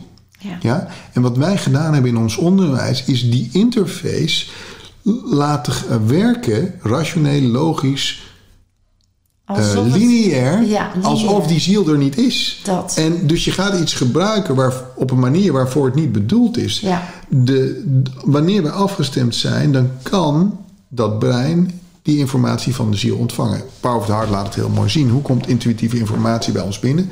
Eerst bij het hart, stuurt het hart het naar het brein, dan gaat het weer naar het hart, dan naar ons onderbuik. Ja. En, en zo komt het in ons lichaam. Maar het komt eerst binnen via het hart en dan naar het brein en dan weer naar het hart en dan naar. Dus wij hebben een constante relatie met onze ziel, maar die relatie, wanneer die afgesneden wordt door conditionering en onderwijs, ja, dan zijn we dus eigenlijk de toegang tot die De poort is dicht. oneindige intelligentie kwijt. Wij hebben allemaal momenten dat we dingen weten die we niet kunnen weten. En toch weten we ze. Omdat we op die momenten zijn afgestemd. We krijgen ook nooit antwoorden door diep na te denken. We krijgen de antwoorden wanneer we ontspannen zijn. Dan kan die ziel door ons heen werken. Ja. Nou, kijk eens hoeveel mensen Ja. een frons hebben. Ja. Dat is allemaal het afsluiten van die intuïtie. Hè? Letterlijk doe je hem dicht. Zo twee deuren tegen. En dat is het nadenken Ja. versus die intuïtie die eigenlijk wil Ja. doorkomen. Dat, dat sla- een ziel kan nooit een slachtoffer zijn. Nee, want het is er niet. En zolang je dus nog in die spirituele wereld, in dat slachtofferschap zit, ben je nog niet op je ziel volledig afgestemd. En nogmaals, ik moet daar ook elke dag gaan werken. Als ik ochtends wakker word, trainen. moet, moet ik Ja. trainen. Elke dag moet ik weer kiezen om daar naartoe te gaan. Mm. Maar ik weet wel dat slachtofferschap vanuit dat ego en die persoonlijkheid uh, gecreëerd wordt. Mm. Het is ook een lekkere identificatie, want dan hoef ja. je niks. Ja, maar je, je, kan ook binden op slachtofferschap. Hè? Absoluut. Ja. Ja. Dat, en dat nee, is, dat is wat dat er is dus nergens gebeurt. zo erg als in de Nederlandse spirituele wereld in mijn Ja, optiek. optiek. Omdat ik het in bui- met het buitenland heb kunnen Ja. vergelijken. Ja. Nee, maar de gelijkgestemden zoeken elkaar natuurlijk op. Ja. Dus het is heel lekker om als je geen verantwoordelijkheid neemt... als je iemand vindt die dat ook hoeft. Want dan hoef je er weer niks mee. Dat is ook heel fijn. En ik vind het eigenlijk heel logisch dat het hart dat het daar begint. Want die hele hartchakra, dit hele gebied... is ook met de armen. Dat zit ook in de hartchakra kant. Dus geven en nemen, pakken, ontvangen. Dus als je boven je hartchakra uitblijft in het hoofd... dan uit je niet wat op je hart ligt. Je, pakt, je, je hebt ook niet meer de balans tussen geven en nemen. Want je weet niet meer wat je mag pakken. En dus je verliest letterlijk het contact met alles waar het over gaat in het Ja. leven. Ja. Dus ik vind het heel mooi als mensen weer die verbinding mogen maken. En de Power of the Heart moet je nagaan, tien jaar geleden... Nou ja, de wereld was er misschien al klaar voor. Is daardoor nog meer bewust geworden daarvan. Ik Ik weet, denk dat ik toen te vroeg was, maar ja, het moest zo zijn. Is het te vroeg of ben je gewoon een pionier? Want Ja, dat, wat dat is Ik het, wilde nooit een pionier zijn, maar nu, tien jaar later, terugkijkend. is het, klopt het wel. Ja, Ja. want dat merk ik ook bij de dingen die... Met heling bijvoorbeeld. Eh, ik ben dan twintig jaar geleden door die eigen ervaring enzovoort. En in het begin schuilde ik me nog achter ook de cognitievere kant. Omdat ik... Er waren natuurlijk ook heel veel oordelen hier in Nederland. Zeker over alles was zweverig en noem het maar. Eh, dus ik denk dat ook ik daarin een heel mooi groeiproces heb doorgemaakt. En eigenlijk sinds het ongeluk van Maurice en het boek... dat ik echt oonde, zoals Tim nu laatst naar buiten kwam met zijn prachtige verhaal... Ja. Eh, durfde ik het toen ook pas, moet je nagaan. Dus, terwijl ik dat toen ik in die reis zat, dan niet zo bewust van was. Achteraf retro-perspectief. Ja. Ehm, Twintig jaar geleden wisten we het, hè, wist ik het al. Ja. En misschien al langer. Dus was de wereld er klaar voor of was ik er nog niet klaar voor? Dat is altijd interessant. En ehm, mag het door het te uiten, ben je misschien anders dan de anderen. En kun je ook dus heel veel afwijzing ervaren. En als je daar nog niet klaar voor bent om daarmee om te gaan, omdat je nog niet dicht bij jezelf kan blijven, omdat het nog een gevoelig punt is, dan is dat ook wel uitdagend. Hè? Dus ik denk dat het heel veel over mij ook zegt. Zeker. En ik, ik, ik heb iets heel belangrijks geleerd toen ik met de Power of the Heart eh, bezig was. Hè. Ik heb er vijf jaar over gedaan. En echt vanuit het niets gecreëerd. En er werd mij vaak gevraagd... Ja, hoe weet je nou of dit een succes wordt? Hoe weet je nou of mensen die film willen zien? Ja, En toen zei ik... Ja, dat, ik weet dat niet. Maar dit is de film die ik wil zien. ja nou. En dat En is dat is de reden om het te doen. Want ik, ik, doe het eigenlijk niet voor een ander. Doe het voor jezelf. En dan, dan klopt het. Want dan volg je je want, hart. Want dan doe je het echt. Ik doe het voor je hogere zelf. Of Ja. doe het vanuit je hogere Ja. zelf. Eh, eh, eh, Elk een vogeltje zingt niet omdat het een publiek heeft, maar omdat het een liedje heeft. Begrijp dat is een mooi voorbeeld. En ehm, ik denk dat we het echt moeten doen, omdat we voelen vanuit onze essentie dat we het moeten doen en niet bezig moeten zijn. Gaan mensen het wel goed vinden? Als je daarvoor doet, ja, dan ben je niet meer trouw aan je ziel. Zit je in je hoofd, Ja. zit je niet meer in je Ja. hart. En, en ga, ga voelen van wanneer voel ik me als een vis in het water. Kijk, een vogel moet vliegen en een vis moet zwemmen. Dat is Ja. een element. Wat is jouw element? En in ons onderwijs wordt ons niet geleerd wat ons element is. Wij moeten gaan voelen door in contact te komen met onze ziel. En wat brengt ons in flow? Wanneer voel ik mij flow? Wanneer voel jij je flow? Wanneer voel jij je flow? Ja, als ik, als ik mijn werk mag doen, als Ja. ik mijn passie leef. Ja, ja. Als ik op het podium eh, mag, eh, mag meegeven aan mensen hoe ze weer hun koor, eh, Ja. hun hart kunnen En dan voel je dus groter. En dan voel je de expansie. En dan voel je Het gaat ook niet meer over mij. Nee, precies. En dan voel je dat iets door jou heen werkt. En dan voel je dat, dat je lichter bent. Ja. En eh, you are being done. Hè? Ja, iets, iets, iets, absoluut. iets werkt door jou heen. Absoluut. Dat is het. Ja. En, maar dat is dus inderdaad door te vragen... Ja, wat, wat wil dat hogere zelf? Wat wil die ziel? Wat is de intentie van die ziel? Gary Zukav zegt het heel mooi. Hè? Eh, Gary Zukav is de auteur van The Seed of the Soul... in het Engels de zetel van de ziel. Mhm. En hij heeft het over authentic power. En ik wil het niet vertalen naar authentieke kracht... Mhm. want dan krijg je... Ik wil het authentic power noemen. En hij zegt... Je creëert authentic power wanneer je persoonlijkheid, de energie van de ziel gaat dienen. Ja. En wanneer wij dus, wanneer wil naar de persoonlijkheid, de energie van de ziel van veel naar gaat dienen, dan kom je in je kracht terecht. Dan ga je flowen. Dan komt die synchroniciteit. En synchroniciteit is een woord bedacht door Carl Jung. En dat zijn die momenten waar je eigenlijk meteen weet dat er een, een dragende kracht achter zit. Dat Ja. er een doel achter zit. Dat iets groters jou meeneemt en aan het sturen ja, is. Ik noem dat En- het weten. En, en, ja. en dat is het weten. En dat- dan voel je in één keer die expansie. Wanneer we in angst zitten, dan voelen we dat lichaam. En dan voelen we die, die, die, die, die, die lage vibratie. En dan wordt alles ja. echt, eh, samengetrokken in feite. En wanneer we in die liefde zijn, in die ziel, dan voelen we ons... Ik heb wel een mooi voorbeeld van hoe, hoe dat bij een mens zich kan eh, zich uiten. We hadden in ons vorige event, een week-event, had ik een huisarts. eh, Hij heeft de vorige podcast, of, eh, laatst ook in een podcast geweest. En hij omschreef dat. Hij is natuurlijk heel erg opgevoed met een model van zo hoort het en zo gaan we mensen beter maken. Alleen hij ontdekte daar de beperkingen in en verrijkt nu zijn wereldmodel. En is dus bij mij terechtgekomen en zegt: Jemig, dit hebben we nooit gekregen op school. Ehm, en toen ik dus hoorde over jou en je boek las en alles eh, eh, hoorde op de podcast, toen resoneerde het met mijn hart. Alleen mijn hoofd ging daar van alles van vinden. Die ging er tegenin, dus die schoot in angst. Met name de angst dat hij in de gevestigde orde een ander geluid zou gaan laten horen en dan niet meer het aanzien zou krijgen, misschien. In zijn hoofd gebeurde dit. Dat hij die arts zou zijn die slim, goed en, en nee. Want hij was nu misschien wel een gekkie of een zweverig iemand. Of, en dan zou hij verbannen kunnen worden hè, uit, de, uit, de, uit de orde van de, van de artsen. En hij omschreef dat, vond ik heel krachtig. Hij zei, mijn hoofd vond er wat van. En die wilde ook het liefst, die ging ook helemaal in gesprek, die ging ook in discussie. Die ging ook allemaal redenen bedenken om niet mijn hart, want het klopte met mijn hart, te volgen. En toch ben ik mijn hart gaan volgen. En doordat ik in die essentie ben gestapt, own ik het nu. En daar komt dat stukje verantwoordelijkheid. En draag ik het uit omdat ik voel dat het klopt. En ik denk dat dat heel veel mensen herkennen. Dat het dus, eh, ik voel dat het klopt, alleen ik handel er nog niet naar. En dus neem ik nog niet die verantwoordelijkheid. En wat jij net zo mooi zei, op het moment dat je het hard ingaat, neem je de verantwoordelijkheid. Dan is er geen weg meer terug. Klopt, maar het is ook een andere manier van zijn in die zin dat eh, zeg maar de oude manier het hoofd volgen, dan zit je hier in een soort van flipperkast. Hè? Die kan Ja, maar alleen maar links en naar rechts. Ja, ja. ja. Kijk, dit is een hele mooie vergelijking. Wanneer je op een rivier zit en je bent dat hoofd, dan kan het hoofd eigenlijk alleen maar de eerstvolgende bocht van de rivier zien. Het is heel beperkt. Het is lineair, het is logisch, het is rationeel.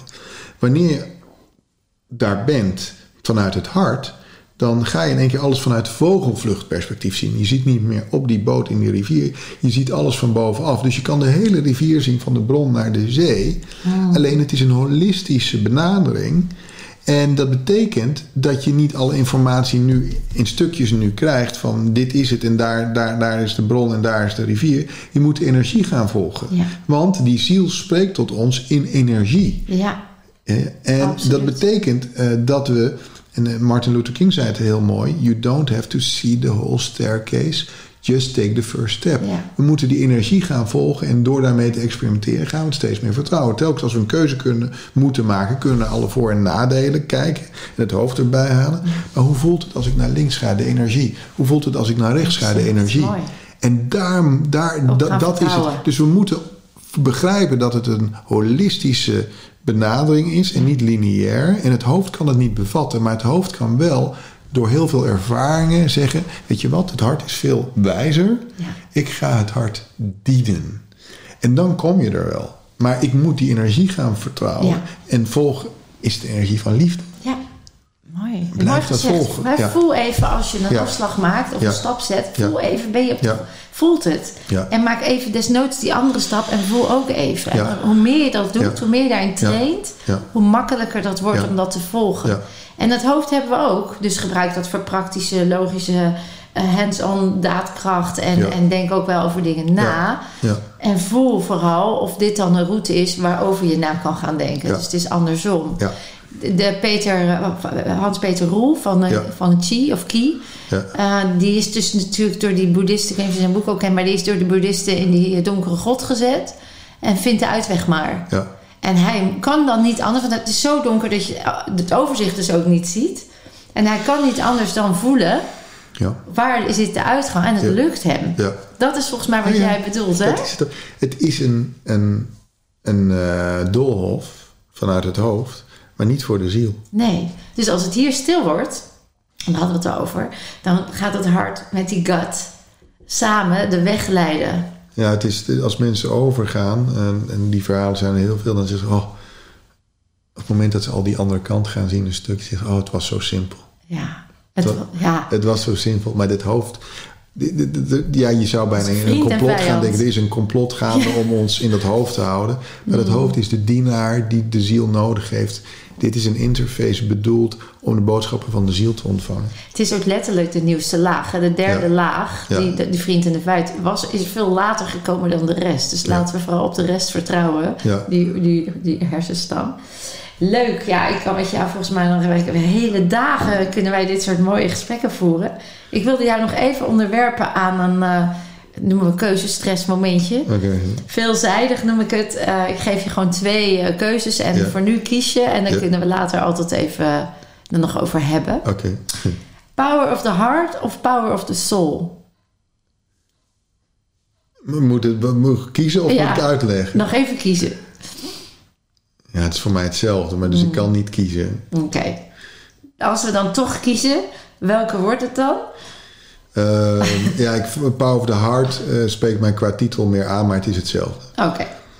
Een missie of een doel? Missie, Fixen of heling? heling. Manifesteren of investeren? Hm, vind ik wel een goeie. Mhm. Die is moeilijk. Ik vind ze allebei heel goed.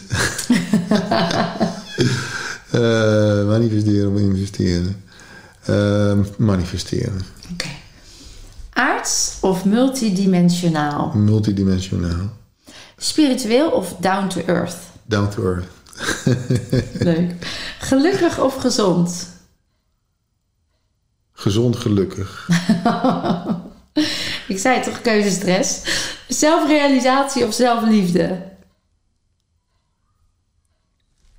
Zelfrealisatie. Doen of zijn? Zijn. 3D of 5D? 3D. Oké dan. Eh, mindset of energie? Energie. Man of vrouw?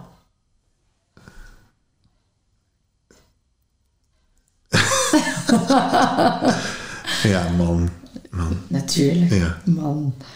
Zweethut of ijsbad? Oeh. IJsbad. Ook allebei lekker. Zelfbewustzijn of ego?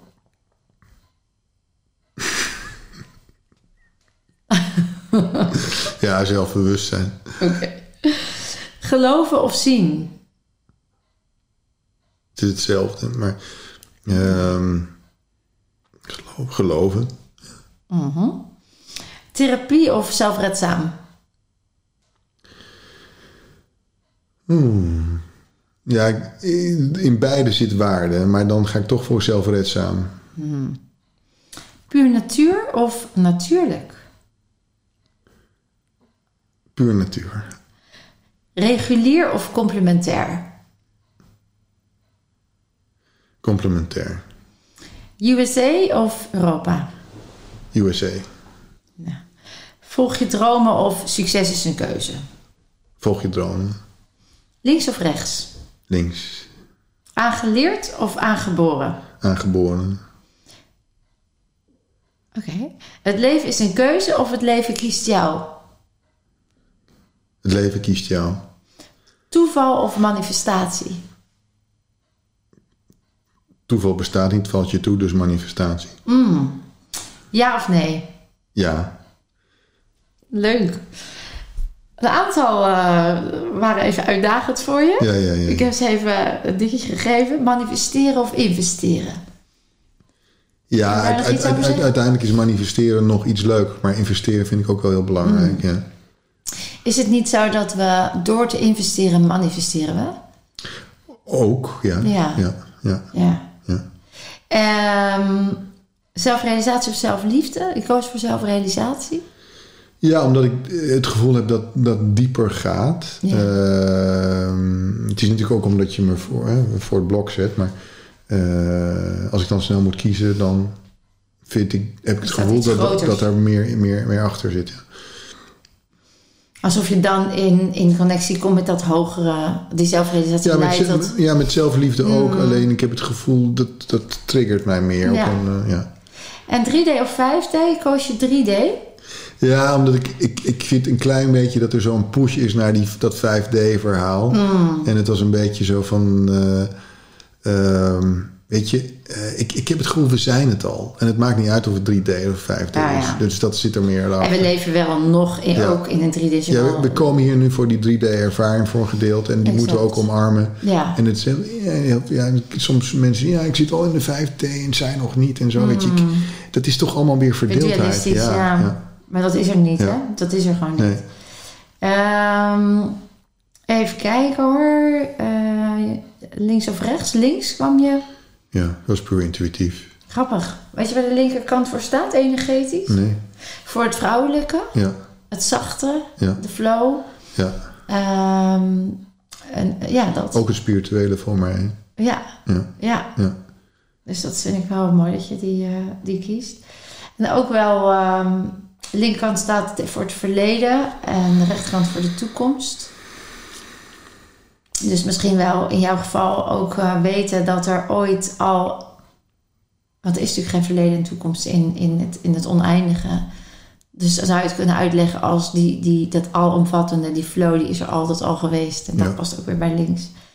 Ehm, aangeleerd of aangeboren vond ik nog even interessant. Eh, aangeboren, Koosje. ja. Kan je die nog? ja, dat is ook een beetje intuïtief. Ik denk dat aangeleerd eh, weerstand oproept. Eh. En daardoor kies ik aangeboren. Ja. Ja. Aangeboren. Dus alles wat, wat nu bij je is, was er al. Ja, een beetje. Ik bedoel, ik, ik zou even, mm, even de definitie van aangeboren moeten opzoeken. Hmm. Om het nog misschien nog meer te duiden. Maar eh, ik, wij leven natuurlijk in een wereld waar heel veel is aangeleerd. En met name dan het volgen van dat hoofd. Dus dat, dat aangeleerd roept bij mij waarschijnlijk een soort energetische weerstand op.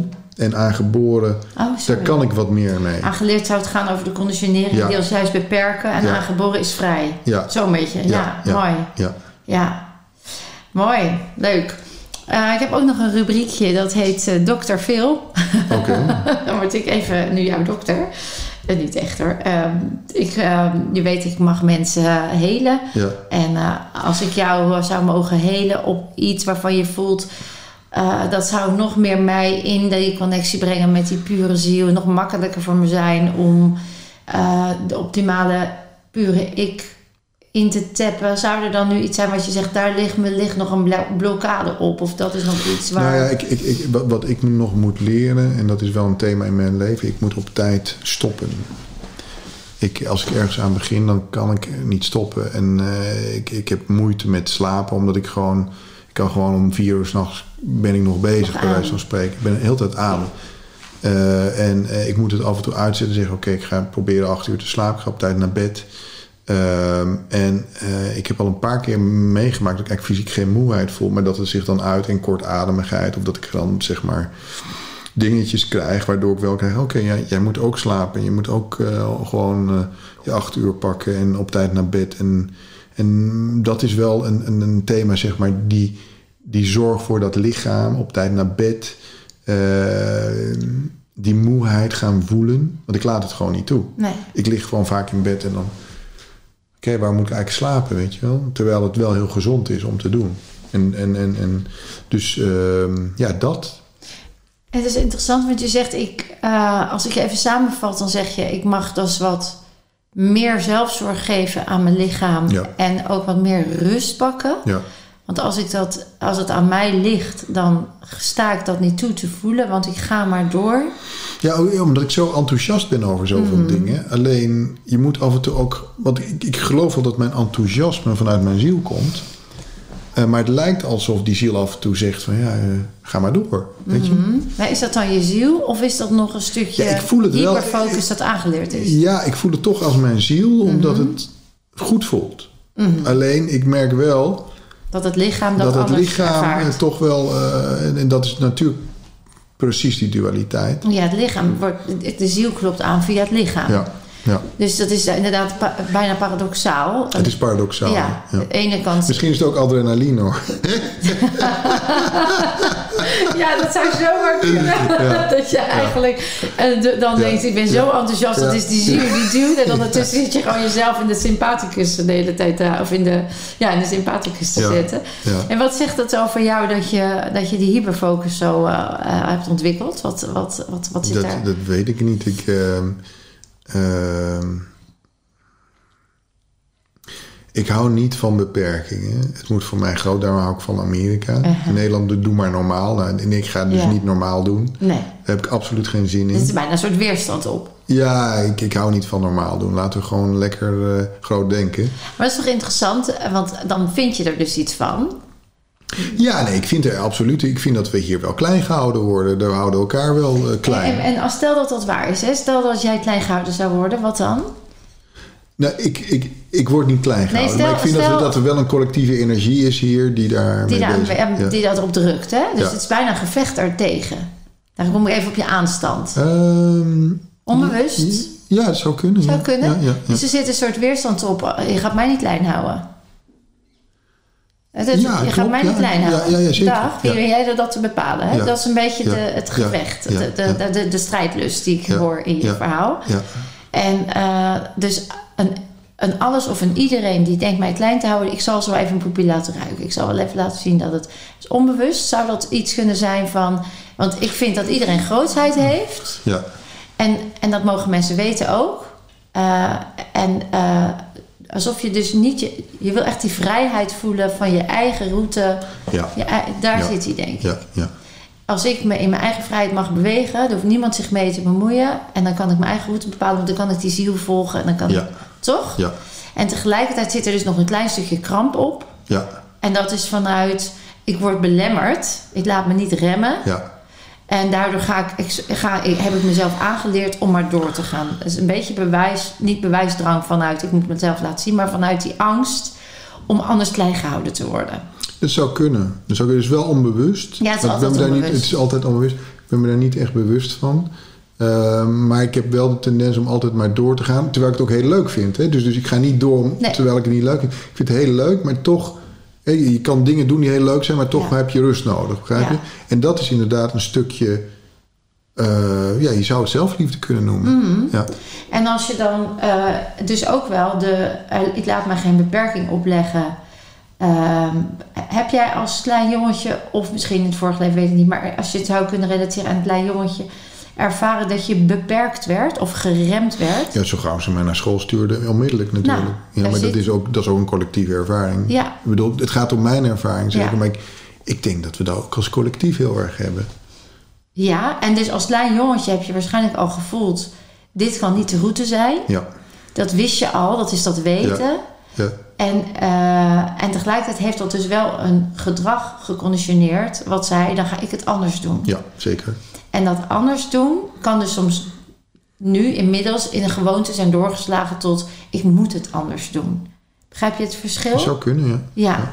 Wat als je het niet een keer anders doet? Stel dat je wel een keer klein blijft. Wat zou het dan? Wat zou, wat zou er zo erg aan zijn? Ja, nou, dan, dan, dan gelijk, oh, lekker rustig. Zie je? Dus dat is. dat- ja, dat, lekker rustig. Ja, Dus daar zit nog het conflict. ja, Aan de ene kant mag ik niet klein zijn, want dat is tegen alles waar ik ooit voor heb Ja. besloten dat Ja. het mijn norm en mijn waarde is. ja, Aan de andere kant ben je nog een beetje attached aan die normen en waarden.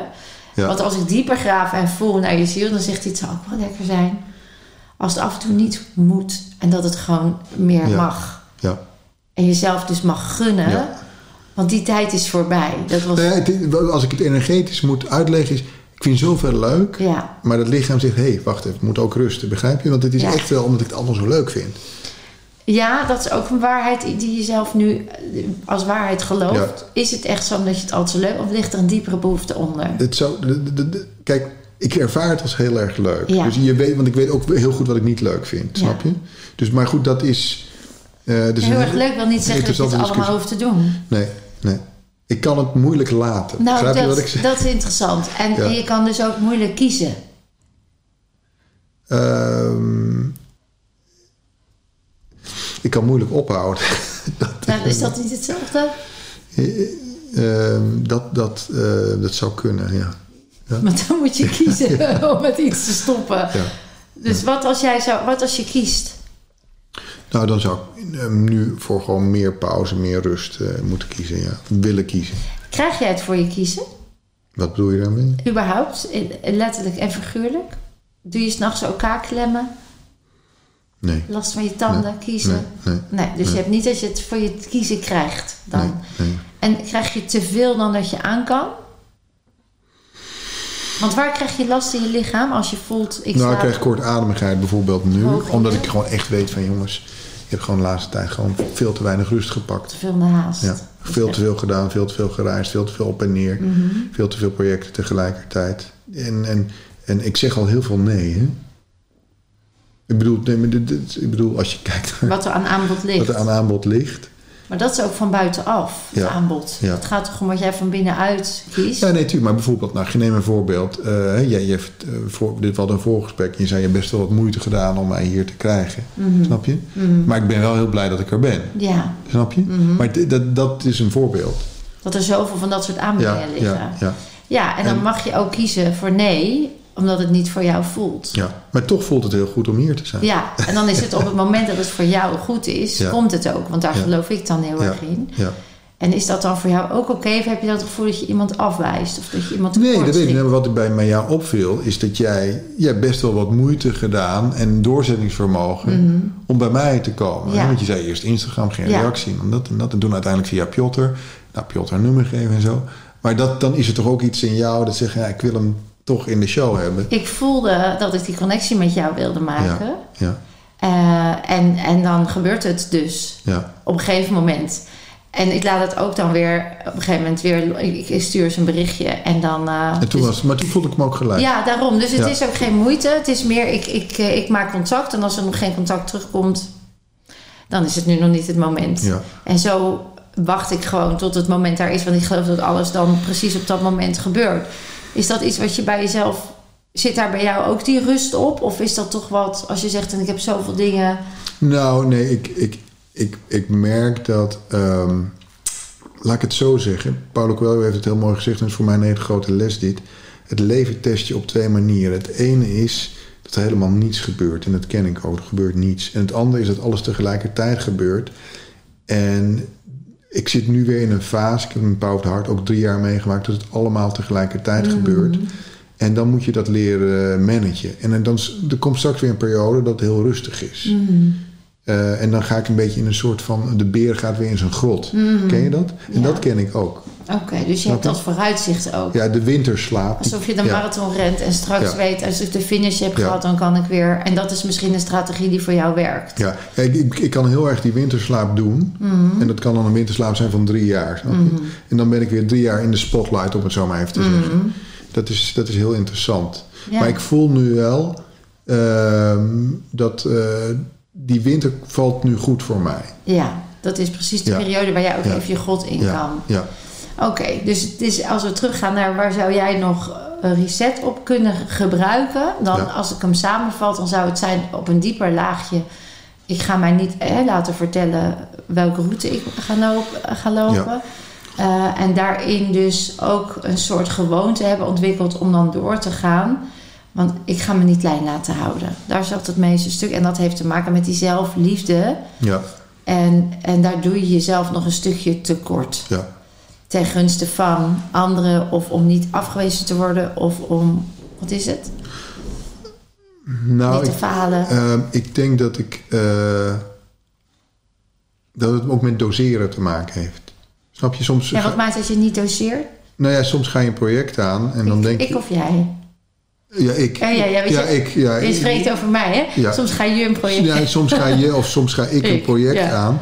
En dan eh, merk je dat, oh, oké, dit duurt wat langer of er komt wat meer bij kijken. Dus dat heeft met inschatting te maken. Ja. Mm, want als ik naar de kracht van taal kijk en je onderbewuste Ja. en voel, eh, dan spreek je nog over je. Het is nog gedissocieerd.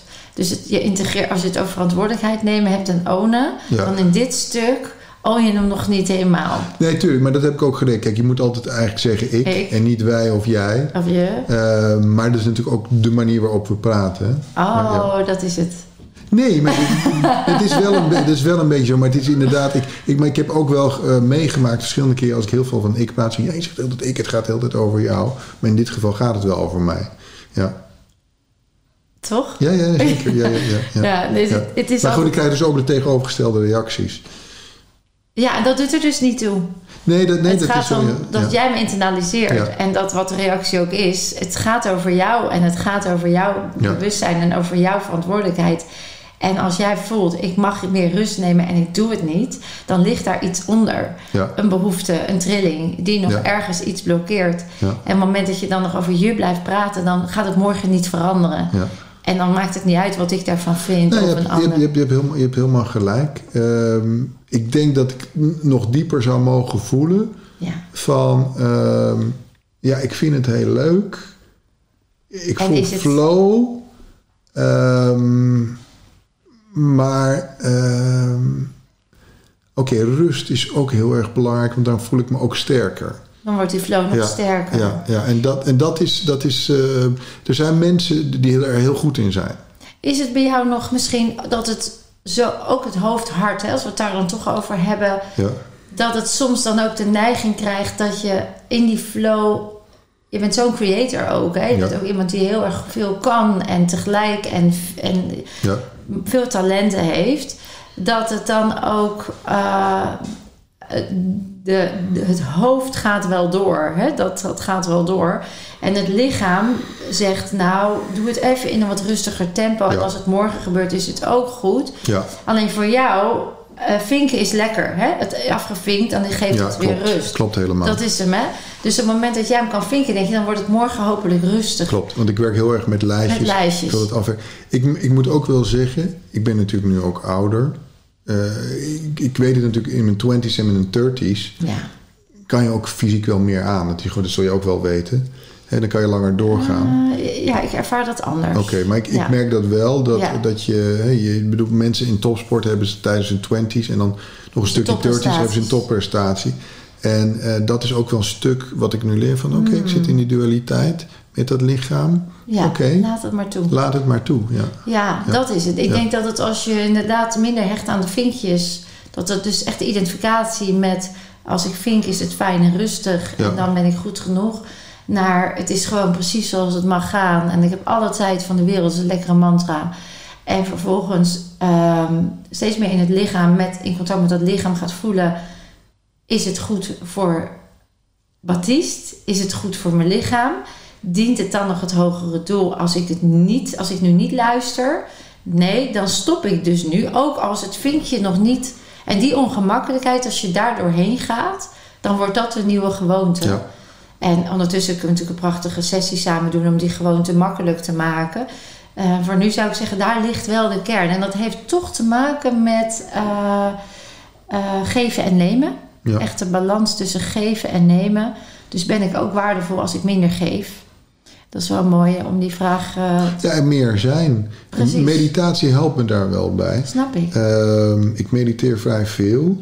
Eh, en ehm, dat helpt me wel om dat eh, te doorzien, zeg maar. Mooi. Ja. Ja. Maar het, is, het heeft ook te maken met meer nee zeggen. Dat is het. Ja. Het geven en Ja. nemen. En gewoon nee, want anders gaat je lichaam nee zeggen. En dat merk je dan dus. En hoogademigheid is letterlijk geen lucht meer ervaren. Maar ook, grappig, het verdriet van al die keer. Dit, gaat wel diep en die voel ik nu heel sterk. De, het verdriet op ehm, toch een beetje de angst voor afwijzing. Dus er is ooit een gevoel geweest van ik voldoe niet of ik mag er alleen zijn als ik eh, voldoe aan de norm waarvan anderen vinden dat ik het goed doe. Dat heeft heel verdrietig gemaakt. Ik word nu ook heel verdrietig, alleen dat kon er niet zijn. En dat is letterlijk, dat zijn, Hmm. dat zijn die longen en dat hoogademige, dat dan zegt nu: het is, het is echt goed. Laat het, je mag even verdrietig zijn. Als je, Je mag het toelaten. Ja, Ja. ja. Mooi. herken je dat als, als klein jongetje, dat je je ook wel verdrietig hebt gevoeld? Eh, over ja, zeker. Nee, ik, heb me, ik heb me zeker verdrietig gevoeld. Ehm, dus, eh, Ik heb alleen nog niet de link gelegd die jij nu legt. Ja. Dus daar mag ik naar kijken. Dat is mooi. Ja. Ja. Nou, leuk. Fijn. Dank je wel. Ja, jij ook. Mooi. Als laatste, en dan echt het allerlaatste, wil ik je vragen of je hebt al zoveel prachtigs gedeeld. Of je nog. ehm, oh, ik zit nog even in, eh, in alles wat. Ik krijg nu ineens heel veel informatie. Dat doen we dan na podcast. Eh, iets met opa. Is opa overleden? Al, al lang. Ja. Alle, Oh. Allebei. Ja. Ah, Oké, opa komt ineens eh, door. Oeh. Die kwam al de hele tijd door.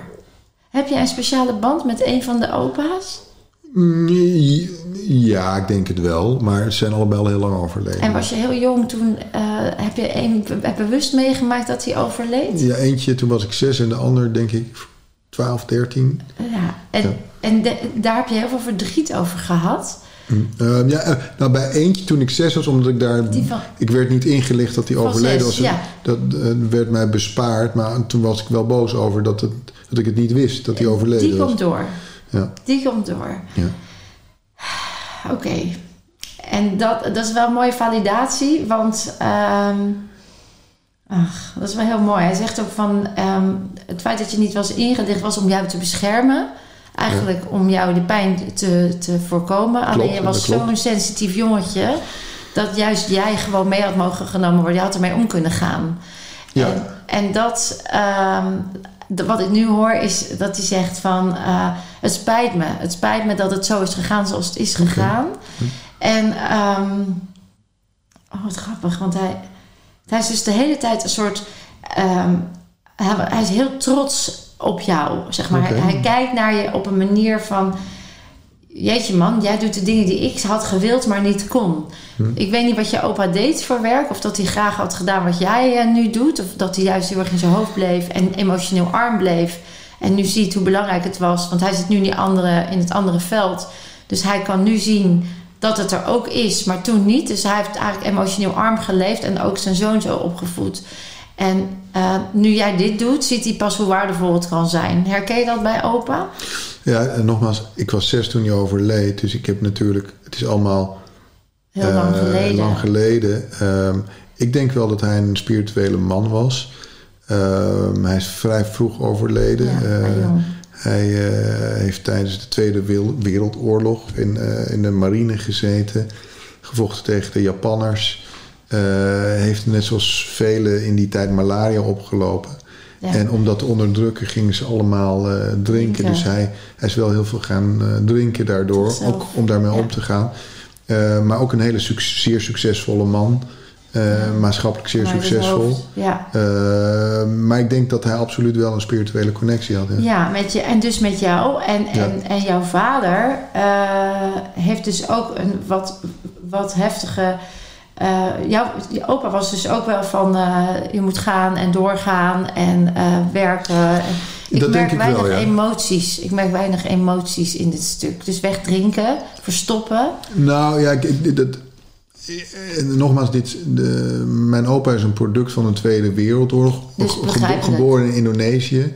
Ehm, zijn vrouw heeft in de Jappenkampen gezeten. Na de oorlog hier in Nederland terechtgekomen.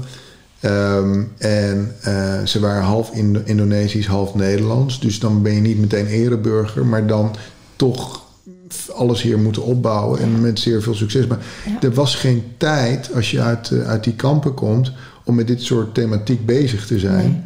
Ehm, en eh, mijn oma zei altijd: kan niet, dus dood ligt al lang in de sloot. En het, het gaat een beetje om de balans. Ik heb af en toe het gevoel dat we af en toe ook weer doorslaan naar we moeten al onze dingetjes aankijken. Want het kan ook een fulltime job worden. Versus de mensen die na de Tweede Wereldoorlog onze wereld hebben opgebouwd en daar geen tijd voor hadden. Snap je? Het gaat een beetje om de balans van die twee. Ja, en het is precies, precies wat ik dus voel. Is Ja. dat hij, het, hij dronk het weg. Het mocht er niet zijn, het kon er niet zijn. Want er moest iets opgebouwd worden. Ja. In, in de Indonesische cultuur is natuurlijk überhaupt al hè, liever Ja. niet daar naartoe. En ehm, Alhoewel ze wel een hele spirituele cultuur hebben. dat, vind dat is het, dus, dat is dus het, het weggeduwde. Het weggeduwde. En dat is ook de onderdrukking die naar boven wil komen. En through you, eh, want de spirit, eh, de, de, de, de frequentie gaat transgenerationeel door. Ja. Dus op het moment dat die frequentie daar nog ligt, kunnen we begrijpen dat het toen niet anders kon. Het heeft wel een frequentie meegegeven Ja. via jouw vader aan jou, waardoor jij nu mogelijk nog voelt: ik moet gaan. Hè, precies het stuk waar jij net de balans in vindt. Ja. Wat mogelijk al door opa nog een stukje Nee, maar ik, neergelegd. ik, ik denk absoluut dat het bijna een genetisch ding is. Zo is Snap het. Dat- zo het voel ik hem nu. wordt, wordt eh, om, om door te blijven gaan, terwijl Ja. het eigenlijk niet hoeft. Nee, te- en dat is dus getriggerd op school en al daarvoor toen Ja. je dus in dat stuk van opa kwam. Begrijp je? Dus de trigger lag al bij opa. Die heeft het nooit kunnen verwerken. Die heeft het ook niet opgelost. Dat emotioneel arme, ik noem het even emotioneel arme, dat klinkt zo zo veroordelen. Maar dat heeft dus ertoe geleid dat dat ook in jouw vader nog niet de verwerking heeft kunnen krijgen die het nodig had. Omdat het er ook nog niet helemaal mocht Ja, zijn. even, dit is dus de, de, de vader, die opa is de vader van, mijn moeder. Van je moeder. Ja. Dus van, het, van de generatie daarna. Want Ja. Heeft je moeder nog een broer? Twee. Ja, in die hele generaties. Want ik voel dus bij mannen ook dat de mannen met name daar nog meer in terughoudend zijn geworden. En van mama ook nog. Want ik zie mama ook achter een rookgordijn verdwijnen. En dat het dus bij jou nu uitgeleefd wordt. Nee, tuurlijk. Maar kijk, de, de mannencultuur eh, langs die kant van de extreem alfa. Extreem alfa. Dat is echt extreem Ja. alfa. eh, en dat zit natuurlijk ook voor een deel Ja. in mij. Eh, Michael Jordan alfa, zeg maar. Ja. De alfa alfa. Ja. Eh, dat, maar dat ben ik niet helemaal. Maar het is absoluut een stuk. Nou, er zit Ja. gewoon nog een stukje doorgegeven. Ja. En ik denk, Ja. als jij het nu hebt over... Er kwam ineens door over die reset. Want opa zat al de hele tijd op je schouder. Achter je. En toen dacht ik ook, ga ik dat nou noemen of ga ik dat niet noemen? En ineens, ja, ik voelde hem zo sterk. Ik dacht, daar zit dus de oorzaak van dat... Van die reset zit dus zit verder terug dan het jongetje op school. Oh nee, nee, absoluut. Het is, het, het, het is ehm, helemaal... eh, dat resoneert echt. Ja, hè? Ja, ja, dus ja. interessant, vind ik het leuk. ja. Dus dankjewel opa, hij is super trots. En, Nou, ik, de- ik denk ook wel eens, want het is misschien eh eh, Power of the Heart bij- met, met de twee vrienden waar ik mee gedaan heb, noemen het Mission Impossible. Moet je je voorstellen, je wil vanuit Nederland een spirituele film maken, laten we zeggen 15 jaar geleden. Ehm, en je wil dat eigenlijk mondiaal uitrollen. Hè? Dat was wel de ambitie Ja. die er ook achter zat. Dan moet je een bepaald, dan, dan moet je ook wel bepaalde alfa-kwaliteiten hebben naast de spirituele ontwikkeling om dat te doen. Ja. Snap je? Als ik Ja. nou zeg maar super hippie, geitenwolle sokken was geweest, was dat niet gebeurd. En eh, ik, ik ben een waterman en mijn ascendant is stier. oh, ja. En daar zie je het ook terug. Hè? Want Ja. De waterman heeft de stier nodig. Absoluut. Begrijp je? Ja. Dus dat alfa is die stier. Ja. En die waterman heeft het idee. Oh, spirituele film over het hart. En het hart. En iedereen moet vanuit het hart gaan leven. Dat is waterman. Maar de stier zegt, oké, we gaan het in de materie zetten. Ja. En die twee heb je nodig. Maar die stier heeft ook zijn nadelen. En die waterman heeft ook zijn nadelen. Ja, van en, Kuilen, en, ja. en, en dat zijn de spiegels. en dit is een hele mooie spiegel ja, die je geeft. Ja, ineens kwam die dieper door. Ja. Ik dacht, wauw, toch nog even zeggen. Mooi. Ehm, nou, wat, eh, wat zou je mee willen geven aan, nog aan de kijker en of luisteraar? Je hebt het al zo, je hebt al zo Ehm, moois gezegd. Nou, Je mag ook even die kamer Ehm, pakken. Nou, ik wil in, de eerste, in eerste instantie- zeggen... we leven in hele interessante tijden. Het wordt nog heel erg veel interessanter de komende jaren. Eh, er staat heel veel voor ons eh, eh, op de agenda. Ehm, en ik denk dat dit nog meer dan ooit de tijd is om naar binnen te gaan. En ik bedoel daarmee je hart te openen. Het hart is de zetel naar de ziel. Maak contact met je ziel. Zoek die verstilling op. Ook voor mij. Ik, ik moet de verstilling, mag de verstilling, want het woord moeten roept ook wel weer, weer weerstand op. Opzoeken. Het komt allemaal goed. Het is al goed. Ehm, be the change you want to see in the world. Zoek het niet meer buiten jezelf in deze tijd. Geef niet de schuld aan de overheid. Geef niet de schuld aan de deep state. Geef niet de schuld aan wie dan ook. Creëer samen vanuit afstemming op de ziel en het hart die nieuwe wereld. Die nieuwe wereld is er al. Alleen wij moeten die vibratie vasthouden. Wij mogen die vibratie vasthouden.